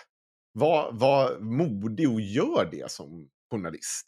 Om det liksom pekar på att det är fel, det är en lögn. För det, det, är ju- där någonstans, det, det är ju helt sjukt. Men hon lever ju i en värld där alla andra ljuger om henne och ja, allt är bara handlar om kretsar kring hon och Cissi Men vi, vi ska fortsätta lite till. Det blev ju lite så med metoo, efterspelet. Och hela metoo-rörelsen var ju också en jävla urspårning. Men jag tycker att alltihopa skulle ha lämnats åt sociala medier, för det var där det började och det var där det spreds. Och att låta de digitala forumen få sköta den skiten själva. Och inte media ska rapportera. Inga, nej precis, inga eh, traditionella eller etablerade medier skulle tagit upp frågan alls. Då tycker jag det hade varit bättre. Att eh, journalister gick ihop i deadline då, som var det journalistiska Ja, det var uppropet. ju anonyma upprop som de, det kan man ju ha. Det, det är det här med skillnaden mellan viral rätt och, och eh, formell rätt. Därför kunde man lämnat det åt Viral, Viral rätt och formell, formell rätt. rätt. Viral rätt, det är väl bara pöbel. det, väl, betyder ju ingenting. Ja. Betyder- Viral rätt är Instagram Court of Justice. Ja. Det, Ja. Mm. Eh, men vad menar hon med rätt i det här? Viral rätt och formell rätt? Ja, men hon säger ju att... Ja, men vi kan hon lyssna lite. rättssystemet? Varför Vi lyssnar, vi lyssnar lite till för att se om vi får någon förklaring. sociala medier, låtit dem försvara sig och ha sitt eget krig och bataljer där. Och jag, jag tycker att det har varit allra bästa, jag tycker fortfarande att traditionella medier kan väl ge fan i vad som händer i det här jävla internet vilda västern. För där, vad som händer där, Det är lite laglöst land. ja, du kan inte kontrollera det ändå. Mm. Och ska de ta upp det och liksom plocka upp vissa, hur kan man då vara opartisk? Det är omöjligt. Säg att du är en tant till- som hatar samtiden och framtiden utan att säga att du är en tant som hatar samtiden och framtiden. Ja, men. Det är också helt obegripligt för hon var djupt involverad. Hon sprang ju med Sissi på PK-klubben och när han skulle liksom vara där och prata om vad som hände i metoo. Hon har ju varit jätteinvolverad i det här. Ja. Hon har ju själv sysslat med exakt det här genom att peka ut sina ex på, på det här sättet. Alltså det är så bara, men, men någonstans så tror jag att det hon säger, eller det hon säger är ju, jag tycker att hon säger är ju så här, traditionell media skulle inte ha varit in och drällt i det här, för då kunde det granskas. Då kunde saker och ting... Hon säger också att formell rätt inte ska vara inne och drällt i det här. Så typ Nej. Förtalsmål och så vidare, det ska inte vara en grej för att du ska kunna säga vad du vill på sociala medier. Precis. Det är det hon menar. Har hon blivit dömd för förtal för någonting Nej. hon har skrivit i sina böcker? Inte vad jag vet.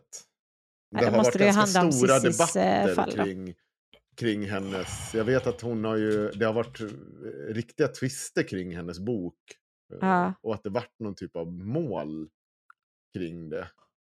Det är ju... Uh, det försörjer ju- sig på förtal, publicerad den 30 november 2007 i Svenska Dagbladet. Den utpekades version. Författaren Unni Drugges nya roman om ett stormigt förhållande med mannen Niklas har den senaste tiden utlöst ett häftigt meningsutbyte i flera medier och blivit en offentlig angelägenhet. Eh, på SvD Brännpunkt den 27 november framförde Unni Drugge på nytt allvarliga anklagelser mot honom. Här går den utpekade, Niklas Salomonsson, litterär agent i svaromål och ger sin version av det sjuåriga förhållandet. Ja, det måste... Ja, men då kan vi också lista ut att eh, någonstans innan, mitten på 90-talet måste hon ha gjort slut med den där Drugge då. Ja. Ja. Eh, här står det ju. Unni och jag inledde vårt förhållande hösten 1998. Mm. Ja, men vi, vi har, den här har vi faktiskt läst en gång för länge Ja, sedan. det här kommer Ja. jag också ihåg. Så man får väl hålla Men det är ju... Eh, eh, och det här kan man också liksom... Ja, det är klart att så här...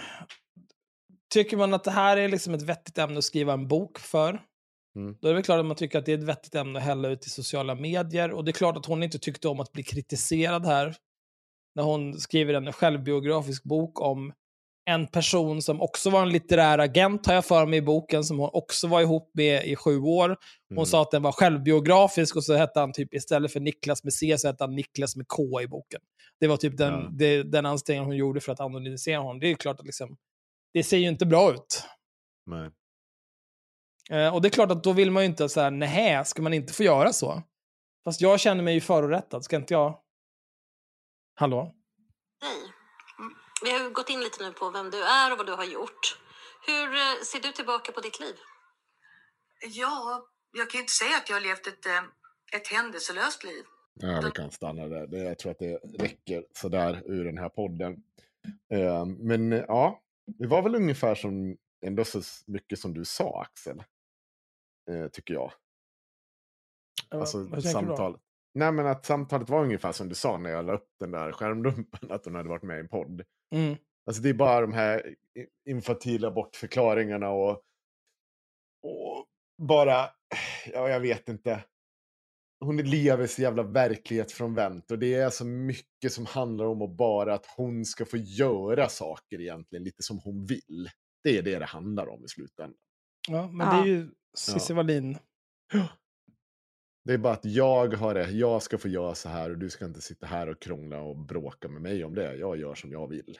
Punkt. Då är det slut med den diskussionen. Det var bra. Jävla galning. Nu blir det för alla horungar i världen reklam. Kul, grattis! Far åt helvete och bli patrons. One size fits all seems like a good idea for clothes until you try them on. Same goes for healthcare. That's why United Healthcare offers flexible, budget friendly coverage for medical, vision, dental, and more. Learn more at uh1.com.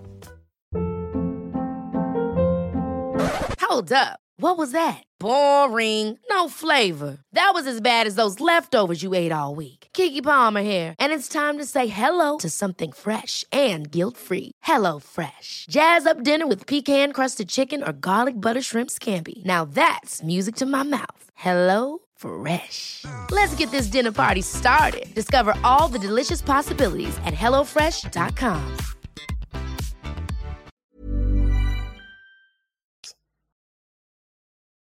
Ja, det här är inte bra. Nej, Men vet ni vad som är bra? nej berätta. Lyxrestauranger. Här ska ni få höra. Det här är en insändare eh, som publicerades för två dagar sedan, den 3 juni, i Dagens Nyheter. Bevara lyxrestaurangerna med statligt kulturstöd. Lågkonjunkturen har tagit död på flera stjärnkrogar med potential att vara plattformar för skapande och innovation. Rädda de kvarvarande svenska lyxrestaurangerna genom att låta dem ta del av det statliga kulturstödet, skriver Sigrid Brydolf. Ett extremt bra namn. Eh, gastrologik, Oaxen och agrikultur. I vintras förlorade Stockholm tre omtalade stjärnkrogar. Världsberömda Noma i Köpenhamn, som tidigare blivit utnämnd till världens bästa restaurang, bommar också igen nästa år. Ekonomins störtdykning riskerar att beröva oss den fantastiska kulturupplevelse som en omsorgsfullt komponerad avsmakningsmeny på en Michelin-restaurang innebär. Precis som musik, film och teater är matlagning en konstform och ett hantverk. Därför borde stjärnkrogar få ta del av det kulturstöd som svenska staten erbjuder andra konstnärer, artister och kreatörer. Här kan det vara värt att eh, inflika lite snabbt att eh, det här, eh, den här statliga inkomstgarantin för olika typer av konstnärer och sånt avskaffades av regeringen Reinfeldt 2010.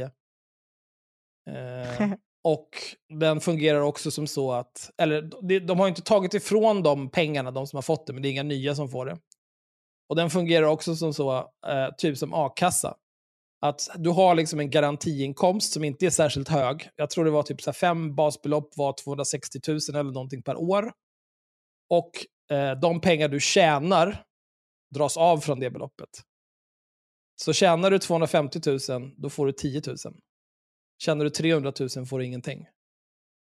Bara så att man har lite koll här på vad det här statliga kulturstödet faktiskt är för någonting. Eh, sen så finns det ju liksom andra sätt att söka stöd från staten för kultur. Eh, jag tror att hon kommer nog komma till någonting om museer snart. Efter att ha smakat mig igenom några av de utsökta fredagsmenyerna på Stockholmskrogar som Fotografiska, Farang och Ruta Baga fick jag i vintras möjligheten att för första gången besöka en Michelinbelönad restaurang, nämligen Tian i Wien. Det här är verkligen... Berätta att du har skrivit en insändare i DN för att prata om att du har ätit på Michelin-restaurang utan att berätta att du har skrivit en insändare till DN för att skryta med att du har ätit på Michelin-restaurang. Så jävla bra. Jag hade svårt att föreställa mig hur mycket bättre mat det egentligen kunde vara där jämfört med restaurangerna jag tidigare besökt, eftersom det trots allt skilde sig ordentligt i pris. Men det tog inte lång tid innan jag förstod att den här matupplevelsen var något helt annat. Första tuggan lämnade mig mållös och barnsligt flinande. Ett tillstånd som höll i sig tills kvällen var över. Varenda detalj var genomtänkt, inte en enda tugga var simpel eller intetsägande. Jag trodde inte det var möjligt. Det var en sensation för alla sinnen som jag sent glömmer. Genast blev jag spårad att fortsätta utforska Michelinutbudet i Stockholm, bara för att återvända hem och mötas av att gastrologik, lyxkrogen på Artillerigatan slår igen dörrarna. Bara dagar senare gick stjärnkrogen Agrikultur ut med samma nyhet. Även Oaxen på Djurgården, den legendariska tvåstjärniga Michelinkrogen, stänger permanent efter 27 år. Eh, sen är det lite gnäll här om eh, liksom så här, ah, den ekonomiska krisen, allting är så himla jobbigt, blä, blä, blä, blä, blä. Men det här är, ett, hon återupprepar hela det här med att det liksom, eh, bra mat är kultur. Och hon eh, jämför i princip de, vad ska man säga, krögarna, kockarna, servispersonalen eh, och så vidare eh, med liksom, konstnärer för att de gör så fantastisk mat. Det här postades i vår grupp av en person som tyckte att det här var dumt. Jag kan på viss... Jag, jag tänker, jag, jag är otroligt resonlig i den här frågan. Jag tycker att Sigrid har delvis rätt. För mat är kultur. Men det är svårt att säga så här, nu ska vi sponsra eh, en restaurang. För det är ändå liksom, det är en privat restaurang. Ehm, de kanske, de kan, kan, kan ha någon typ av så här restaurangbidrag. Men då måste det finnas kriterier för det. Det kan ju inte bara vara så här, ja, men jag är en krögare och jag vill göra en restaurang och jag vill ha Michelinstjärnor. Utan det måste ju vara något som är kopplat liksom, till svensk kultur eller något som faktiskt främjar det svenska kulturlivet. Så som till exempel gratis inträde på alla museer skulle göra. För att det är ändå tillgängligt för alla. Det är även om det är så att du liksom... Jag var, jag vill inte skryta, men jag har varit på gastrologik en gång. Eh, och Gör ett helt poddavsnitt om att du har varit på gastrologik utan att säga att du gör ett... Nej, jag, ska jag upp 100% göra det. Men jag var där med en kompis till mig som också jobbar med projektledning. Det här var länge sedan. Eller inte så länge sedan, det var några år sedan. Eh, men då, då tog vi någon, jag vet inte, 22 rätters avsmakningsmeny med vinpaket och sen så satt vi kvar, för vi satt på sista sittningen, satt vi kvar lite efteråt och pratade med personalen om maten och drack olika typer av sprit. Jag tror vi, notan var för typ 12 000. Och det var så jävla värt det. Men, det liksom handlar ju om vad man värderar i livet. Eh, för mig, jag har råd att göra något sånt. En gång kan jag tänka mig att göra det. Jag kommer inte gå dit. Jag, om gastrologik fanns kvar, jag hade inte gått dit igen. Jag kan tänka mig att gå till någon annan restaurang, men jag kommer förmodligen inte vara villig att betala så mycket som jag gjorde där. Nu har jag liksom gjort det. Jag har betalat supermycket pengar för en kväll med mat och dryck och det var toppen. But I'm done. Och jättemånga människor kommer aldrig ha råd oavsett hur mycket man subventionerar den här typen av restauranger. Det skulle ju vara om det funkade så att, så här, men vet du vad? Eh, vi har gratis inträde på museer och nu har vi också, nu har gastrologik öppnat igen och notan är gratis. Skattebetalarna tar det här för att alla ska få ta del av Michelin-mat. Men det kommer inte funka. Nej. Utan det kommer ju vara, bara vara de som är ytterligt privilegierade som har tillgång till det här. Och det tycker inte jag att vi ska sponsra med skattepengar. Då kan de som, har, de som vill göra det, de kan betala för det själva. Jag vill inte betala för andra människors lyxkonsumtion. Jag vill betala för andra människors nödvändiga konsumtion för att de ska leva ett drägligt liv. Det är min take på det här. Jag vet inte, har ni någonting att säga om att subventionera lyxrestauranger med skattepengar? Nej, alltså det är, det är en väldigt, väldigt dum idé. Mm. Ja, Jag har verkligen ingenting att tillägga i det. Nej. Sanna, skulle du, hade du något mer förresten? Nej. Jag vill bara- Ni nej. kan få höra Men- hennes argument Nej, bara. men, nej, ja. Vadå eller- nej? Ja, förlåt. Vadå nej? Ja, du, förlåt. Ja, vadå? Jag vet. Fortsätt. I Sverige betalas många miljoner kronor ut av staten i kulturstöd varje år. Stödet riktas bland annat till museer, teater, dans, musik, bildkonst, film och arkitektur eftersom politiker har kommit överens om att dessa kulturupplevelser berikar människors liv, men kanske inte alltid är ekonomiskt lönsamma och därför bör subventioneras. Ta bara museer som exempel. De ligger ofta på de allra finaste adresserna i pampiga storslagna byggnader. Om intäkterna från biljettförsäljningen skulle förväntas täcka upp för museets utgifter skulle kanske några av våra viktigaste museer möta samma öde som Stockholms lyxkrogar. Här, här har vi då en markant skillnad, eh, som jag var inne på tidigare. Staten äger inte gastrologik. Nej. Nej, och det, jag skulle säga att det finns, alltså det finns, du skulle, om vi säger bara så här, du skulle ju kunna ha, det som du sa inledningsvis, att det skulle kunna finnas viss eh, verksamhet, alltså någon typ av matverksamhet som inbefattas under någon typ av kulturell grej. Det skulle du kunna ha, för det är ju såklart, staten har ju operan, men det finns ju också fria operor. Alltså Ja. det går ju uppenbarligen Det går ju att driva, men de får ju Ja. också men sen, kulturstöd man måste, ju på nog, man måste nog få hitta, då måste man nog hitta en bra hook till det också. Det går nog inte bara att köra... Alltså jag skulle säga att en stor, ett stort problem här är ju liksom att ju restaurangbranschen är efterbliven. Ja, men vi har haft klock. Ja, vi har haft klock. Klock Ja. var fan bra. Det fanns ett klock vid Hornstull när jag växte upp. Det var Mm. toppen. Här eh, Men det Sigrid är lite grann inne på problemet här. Kravet på lönsamhet är boven i dramat eftersom det tvingar gäster att betala marknadspriser för maten och restauranger att operera med extremt små marginaler. Restaurang Noma i Köpenhamn behövde gratiskockar som jobbar 70 timmar i veckan för att överhuvudtaget gå runt. Trots att gästerna fick betala över 4 000 kronor för en middag med tillhörande dryckespaket. Ska detta verkligen behöva vara fallet? Vet du vad? Har du provat att höja priserna? Jag tänkte också säga, det, det här som låter väldigt konstigt, det är ju också... Men det här, det här hon liksom blir Ja, dum i huvudet. ja för det, det är ju en prisidé som inte går ihop längre det här. Det kan, Om man det kan säkert använda det argumentet på andra saker också. Ja, Eh, nej, men det- varför med ska kom- någon jobba ja. gratis för? Det fattar jag inte. Nej. Och varför ska någon jobba 70 timmar i veckan? nej För det här är ju så här, det här, hon nämnde ju den här tidigare, Noma i Ja. Köpenhamn, som ansågs vara världens bästa restaurang. Ja. De tog 4 000 för en middag med tillhörande dryckespaket. Jag tror att de hade kunnat ta 20 000. Ja. Men då hade, ingen, då hade bara vissa personer kunnat... Men det hade fortfarande varit fullt. Det är bara det Säkert. att de hade klämt ut henne, för hon hade inte haft råd. Nej, och de hade, ja, precis. Och de hade ju inte kunnat förmodligen fått de här med sig, för det hade inte hållit. Det hade, jag tror inte det hade hållit att... Eh, jag tror att har de inte sådana kriterier också, att det får inte kosta hur fan mycket som helst. Det kan nog kosta jävligt mycket ja, som helst. ja, Jag vet faktiskt det. inte vad kriterierna är för Michelin-stjärnor. Jag vet att det är trams. Jag, jag tänkte faktiskt le, försöka leda in det, om du inte hade något mer på den här. Nej, hon har, utöver att jag har stalkat henne på Instagram, där hon har eh, en död mat-Instagram som hon postade på senast för 27 veckor sedan, så finns det inte så mycket att säga. Nej. Hon har gjort typ 140 miljoner poster där hon har post, eh, lagat någon typ av mat eller ätit någon typ av mat på restaurang. Mestadels lagat, ska jag i och för sig säga till hennes försvar. Ja. Och så har hon tagit en bild direkt ovanifrån, postat den, skrivit lite om maten och sen har hon gjort en liten kort video om där hon håller på med maten. Men efter att ha hållit på med det här i några år och endast nått 3000 följare så gissar jag att hon kände att the band's not gonna make it. Fuck det här. Hon kanske behöver statligt stöd för att det är ju kultur. Ja. I form av likes. Det är kultur. Men Hela det är ändå så här, jag tycker det var, det var en fin återgång till liksom det fina Instagram. Här har jag ätit idag. Mums.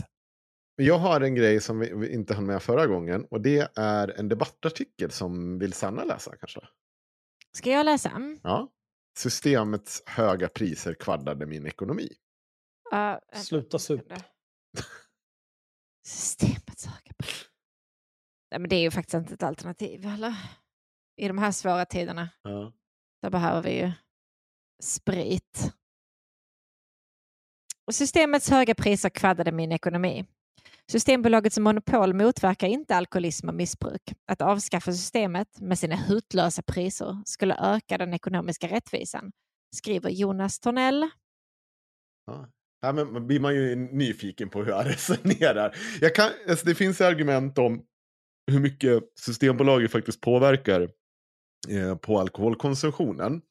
Men det andra här blir jag lite mer nyfiken. Den ekonomiska rättvisan. Och hur eh, han har drabbats av det här. Eh, vi, vi, vi lyssnar. Systembolagets skyhöga priser försatte mig i ekonomisk fördärv. Minst en miljon kronor spenderades under åren jag genomled alkoholexcesser utöver det vanliga. I Tyskland hade jag kommit undan med 350 000 kronor för samma mängd öl, vin och sprit. Med detta sagt vill jag avslöja myten om svenska alkoholmonopolets betydelse för nykterheten samt motverkan av alkoholproblemen i samhället. Här, får jag bara säga en sak. Minst en miljon kronor spenderade under åren jag genomled alkohol Excesser. excesser. Jag antar att han var alkoholist. Jag gissar på att det är det Ja, han säger. Jag tror inte, det här känns inte som en person som skulle beskriva sig själv som alkoholist. Nej. Eller så är han en kille som hade väldigt mycket fester för sina kompisar. Och frågan här, nu, nu det är jag kultur. är du Det borde vara statligt finansierat. Du kan inte ha jättemycket så här, självinsikt om du tror att så här, jo, alltså så jag kan tänka mig att du, du kom i skuld, men det är kanske också det som fick dig att vakna upp till sist. Om du Men- bara men- hade gjort av med Men han tror 350 000 fortfarande så hade det kanske funnits, du kunde hållit på längre. Har du tänkt på det? Jag vet inte. Men, men hur, hur, hur, många, hur mycket pengar gjorde han av med? Miljoner? Minst mi- en miljon kronor spenderades under åren jag genomled alkoholexcesser. Excess, hur många år vanliga. pratar vi då? Nej, det skriver han inte. Men ska vi säga fem år?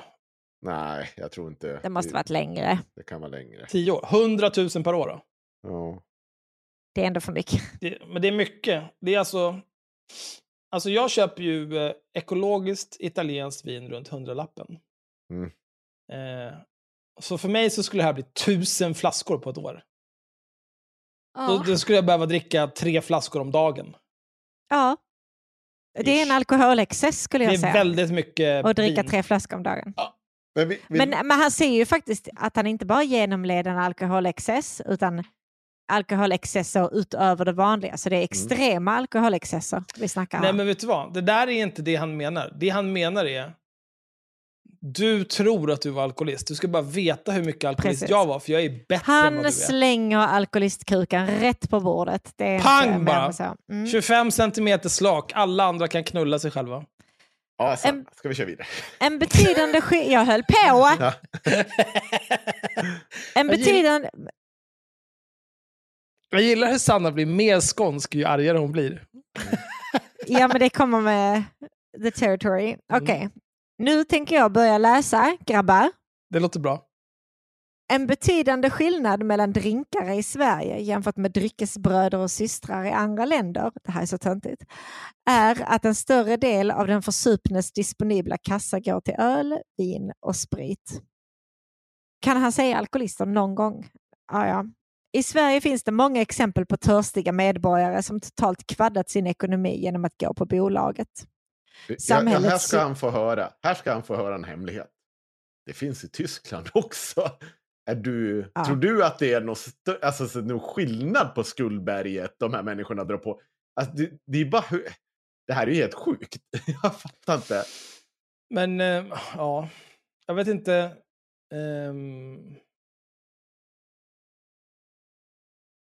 o- om det enda som, som sker, om man, har, om man inte har ett alkoholmonopol och folk eh, lever i, i dryckesexcess. Om det som sker är att de tidigare liksom slår i väggen, Mm. så är ju det positivt. Så jag vet inte ens vad, varför grinar han om. Ja, det är det. För alltså, det är ju, ju längre du lever i dryckesexcess, desto större är risken att du orsakar permanenta skador på dig själv. Desto större är risken att du skadar någon annan. Mm. Och så Vilket vidare. då skulle innebära att drinkare i Sverige drinkar mindre än våra dryckesbröder och systrar i andra länder. Mm. Det här är en kult, är allt jag har att säga om detta. Vi Mm. fortsätter. Samhällets system fortsätter vidmakthålla myten om monopolets betydelse för folkhälsan. När människor slutar dricka, vilket jag själv gjorde för tio år sedan, är det vanligt att man lägger sig till med åsikter och värderingar som står närmare ens egna genuina person. I mitt fall har detta manifesterat sig i ett ökat intresse för samhällsekonomi och socialpolitik. Eftersom jag på grund av egna erfarenheter är övertygad om att statligt monopol inte motverkar missbruk vore det en god idé, främst av konkurrensskäl och i syfte att uppnå ökad ekonomisk rättvisa, äntligen avveckla det statliga alkoholmonopolet. Som sympatisör av angelägna spörsmål, såsom individens frihet att och, och rätt att bestämma över sig själv, önskar jag ivra för fler myndigheter och statligt ägda bolag upplöses eller kraftigt reduceras. Gud vad han, gud vad han ordbajsar. Alltså, det Ja. är helt otroligt. Alltså han har suttit med en eh, synonymordbok när han har skrivit den här. Det är så jävla töntigt. ja. Vad Systembolaget anbelangar borde denna organisation rimligen helt avvecklas. Då skulle kioskägare, butiksinnehavare och entreprenörer som driver gårdar med mera beredas ökade chanser att försörja sig genom att de då fick stå för försäljning av alkoholdrycker. Vad många medborgare inte verkar ha kännedom är, om är att Systembolaget är en affärsdrivande organisation. Ett aktiebolag ägt av staten och med en vd som tjänar cirka en halv miljon kronor i månaden. Mm, det kan man ha åsikter om. Det behöver man Ja. inte avskaffa monopolet för att ha Nej. åsikter om. Det här är ju bara en... ja. Det föreligger alltså sannoliken synnerligen starka incitament att behålla monopolet. Även om organisationen påstår att man saknar vinstintresse finns det all anledning för vd och hennes chefstab att i eget intresse fortsätta verka för monopolets betydelse. Då kan de behålla sina välbetalda jobb. Så Dessutom- är det. Så, så är det, men det betyder ju inte att det sker på grund av vinstintresse. Alltså, vinstintresset behöver de ju inte ta i beaktande här. Det, det är så, Så länge de har konstigt. sina jobb. Han, han blandar ju ger. Alltså, det är ju monopolet de måste försvara. Inte Ja. vinst. Inte, det gör ju ingenting. Och, alltså, så, här, Systembolaget behöver inte gå med vinst. Nej, alltså eh, mm, det är väl bra för dem om det går med vinst att de kan ta ut de här lönerna. Hade de inte gått med så här mycket vinst så hade de inte kunnat ta ut de här lönerna heller. Men alltså, ja. Men det, Det, känns ju ju, en liten Systembolaget har ju... Alltså varje gång någon håller på och grinar om så här, ja de tjänar ditten datten och så här, bara, ja men... Har du tittat på vad den här organisationen har i årsbudget? Liksom Ja. det... Nobody gives a shit. Gå vidare bara. Dessutom påverkar Systembolagets affärsstrategier, till exempel var de väljer att etablera sig med sina salubodar. Gud. Många andra butikskedjors omsättning. Genom åren har det också varit vanligt att Systembolagets vd även sitter i andra storföretags styrelser. Statliga alkohol, statligt alkoholmonopol i form av Systembolagets antiseptiska butiker och tillgjort hurtig personal motverkar inte alkoholism och andra alkoholrelaterade problem. Vi har haft dem historiskt, vi har dem nu och tittar man in i framtiden ser det verkligen inte ut som att män och kvinnor kommer att sluta berusa sig. Nej, det, är här är ju liksom rappakalja. Ja. Det här är ju en person som ser problem på ett binärt sätt. Så här, vi, har haft haft problem med alkoholbefol- äh, alkoholproblem i befolkningen tidigare, vi har det än idag. Men skillnaden var att för hundra år sedan då fick folk betalt i ren sprit och söp Ja. ihjäl sig. Det var ett ganska stort problem. Men sen också att han avslutade med att det inte ser ut som i framtiden att män och kvinnor kommer att sluta berusa sig. Problemet är väl inte att folk blir berusade, problemet är väl i hur Problemet ofta är ju fyllskallar som han som lägger en mille på att supa ner sig per Ja. Ja, men läs då sista meningen här. Tvärtom föreligger många orosmoln. Stress, vilsenhet i tillvaron och fortsatt tilltagande så kallad psykisk ohälsa. Och, och hur löser vi det genom att ta bort monopolet? Inte med sprit. Fattar inte det. det, är så bara, det är, han vrider ju på argumentet så många varv så att han bara biter sig i arslet. Alltså det han menar här är ju att vi minskar psykisk ohälsa om vi ökar spritkonsumtionen i samhället. Mm. Det, Ja. tro, det tror jag är bullshit. Ja. Ja, jag vet inte om man menar det, men det är ju det som det blir. Det är det det blir. Ja. Ja. Var och varannan dag ser jag folk komma med bussar från tyska gränsorter med ett väl tilltaget ekipage av flaskor, bag-in-box-vin samt flak med ölburkar. Inte sällan är det äldre par som utifrån stil och utseende påminner om folkhemsidén. Okej. Eh, sannolikt är någon annan så kallad gråsosse eller före detta folkpartist som sedan sitter på kafferep med sina gelikar och lovsjunger Systembolagets fina sortiment och hur omtänksam den svenska alkoholpolitiken är. Dubbelmoral var namnet. Låt oss tillsammans skapa ett mer ekonomiskt jämlikt samhälle. Det, det- det är mycket... Det är, så dubb, det är inte dubbelmoral att handla sprit utomlands. Det är klart att det finns massor av varor som är billigare utomlands. Det är inte Det är nödvändigtvis väl inget dubbel- konstigt, alltså det, är, det är ju reglerat i lag, vem fan Ja. bryr sig? Det är precis hur många liter av vad du får ta med dig hem, det är inte ett problem.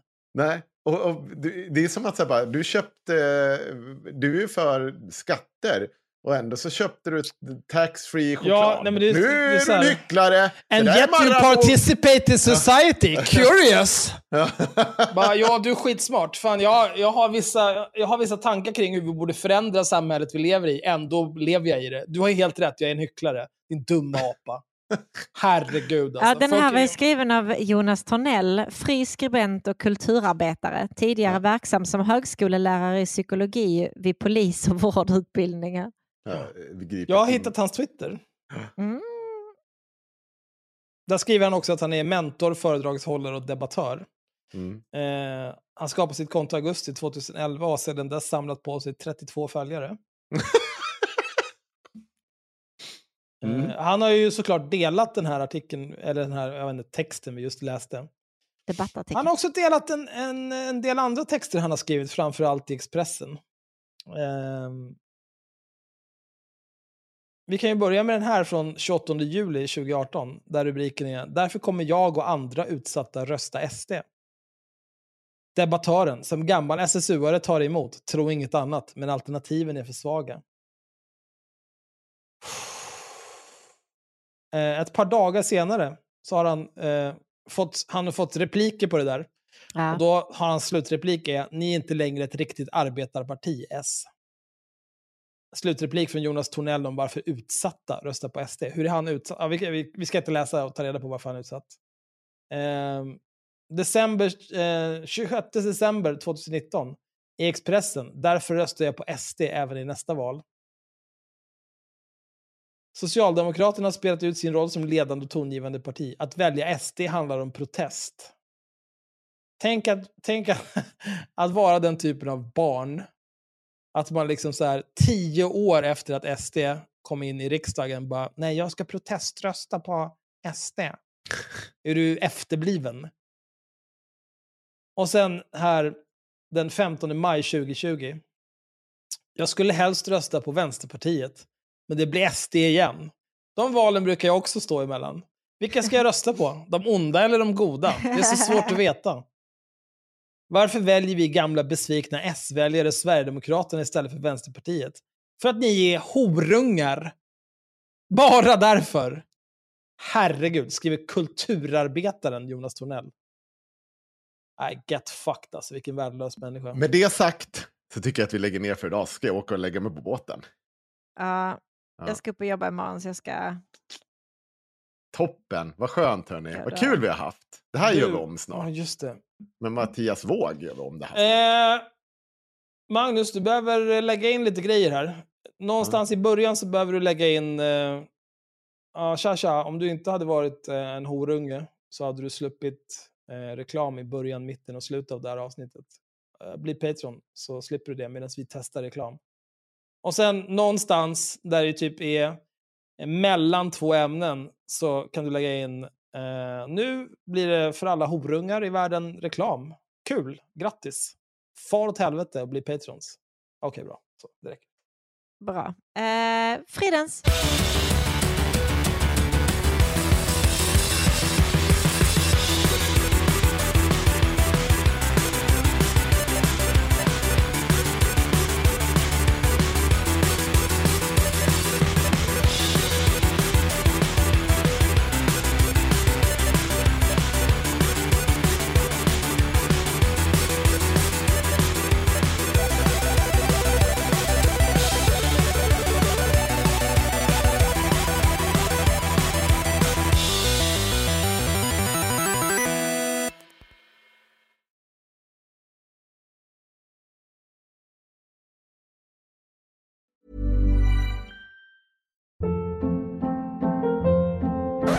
Hold up. What was that? Boring. No flavor. That was as bad as those leftovers you ate all week. Kiki Palmer here, and it's time to say hello to something fresh and guilt-free. Hello Fresh. Jazz up dinner with pecan-crusted chicken or garlic butter shrimp scampi. Now that's music to my mouth. Hello Fresh. Let's get this dinner party started. Discover all the delicious possibilities at hellofresh.com. Hey, it's Paige DeSorbo from Giggly Squad. High quality fashion without the price tag. Say hello to Quince. I'm snagging high-end essentials like cozy cashmere sweaters, sleek leather jackets, fine jewelry, and so much more. With Quince being 50 to 80% less than similar brands. And they partner with factories that prioritize safe, ethical, and responsible manufacturing. I love that. Luxury quality within reach. Go to quince.com slash style to get free shipping and 365 day returns on your next order. Quince.com slash style.